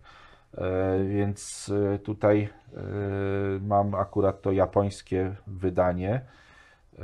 Cudowna płyta. Kurczę, znowu, jak tego się słucha i tak mo można odlecieć y, wyobraźnią, to że to też jest y, muzyka do, do filmu dokumentalnego. W Evangelis sporo robił ścieżek dźwiękowych do, do filmów. W ogóle jego kariera zaczęła się od y, apokalipsy zwierząt Mhm. i, i zrobienia tego soundtracku do, do tego właśnie filmu. Antarktyka też, ja ten film widziałem, ale jakoś mnie nie powalił. Natomiast płyty mógłbym słuchać, mógłbym słuchać w nieskończoność, bo jest tak klimatyczna, też ten motyw, ten temat z Antarktyki, ten główny temat, ale i cała płyta, tam czuć to zimno, czuć ten śnieg, to, to, te widoki. Y, Szkoda, troszkę szkoda, że Wangelis już nie żyje, ale bardzo dobrze, że, że zostały po nim płyty. Zostawił płyty pomnik są- trwalszy od Spiżu zdecydowanie. E, tak, i, i myślę, że tutaj, że on był prawdziwym artystą, tak? Artystą, który kreował te dźwięki, tak panował nad przestrzenią, nad tymi tonacjami, nad tym wszystkim, co, co spowodowało, że jego muzyka była absolutnie niepowtarzalna. E, Mam kilka płyt, są moimi ulubionymi ever. Pewnie jeszcze wrócę do, do tych klimatów. Natomiast też y, jakiś czas temu no, y, dowiedzieliśmy się i też chciałem polecić Wam książki. Polecić książki, skoro y, autorki już niestety nie ma. Maja, Maja Lidia Kossakowska, aż mi się też głos troszkę łamie, bo y, jest to, jest to piekielnie przykra sprawa. E, Zginęła, y, zginęła tragicznie. No, Nazywana była e, królową czy, czy pierwszą damą polskiej fantastyki. E, Tutaj mam tylko kilka książek. e, No, na, na szczęście, na szczęście też zostały, zostały po niej dedykacje, e, zo- zostały po niej jakieś takie wspomnienia, no, rozmów bardzo, bardzo wesołych, bardzo przyjemnych spotkań, e, które, które miałem okazję z nią też mieć tam w mniejszych, większych grupach. E, Pięknie pisała. Też, też tak e, z, ostatnio nawet e, przy ostatnim spotkaniu umawialiśmy się, bo chciała wrócić. To jest akurat Grill Bar Galaktyka, gdzie zajęła się SF, taką fantastyką, ale też na wesoło. No, sam, sam tytuł. No i Grill okładka Bar. widać, I okładka, tak, bo to jest Kosmita w jajkach. tak, no bo jakby akcja cała jak, toczy się wokół takiej knajpy galaktycznej, tak? Także to jest bardzo, bardzo sympatyczna e, książka, e, chociaż e, Maja się w takich klimatach takich eterycznych, jakichś też ten okres taki anielski, tak? Ten okres e, i, i te książki związane z wierzeniami, z jakimiś e, takimi właśnie, nie wiem, e, tymi wróżkami, duchami, była kociarą, tak? Miała, miała kotów kilka i też wierzyła w taką, może wierzyła, tak, tak była piewcą tej magii kotów, tak, i tego wszystkiego, co za tym idzie. I napisała też taki cykl anielski, tu akurat mam tom, tom też z autografem, tom e, pierwszy e, się Zbieracz Burz nazywał ten tom, E, drugi to siewca wiatru, zdaje się, tak? To wiatr sieje, ten burzę zbiera, czy coś takiego. A może pierwszy to był. Poszukajcie. E, Normalna książka, e, taka superbohaterska, ale tymi superbohaterami są aniołowie w niebie. Ciekawa To jest, koncepcja. tak, no to jest. No to zresztą zobacz, na okładce masz anioła z karabinem. Anielskie O, AK-47. I to taki, ten anioł tam taki naprawdę niezły. E, Też e, tutaj jest e, taka w japońskich troszeczkę chyba takich klimatach e, Takeshi. Akurat wziąłem drugi tom. W pierwszym też mam autograf, ale w drugim mi na, kotka, Jest na, kot też. kotka mi narysowała. właściwie chyba. Tak, e, także warto sięgać po, bo tylko w zasadzie, no znowu, tylko to po, po Mai zostało. Aż to. Aż, Aż to, to. no tych książek No. dużo napisała.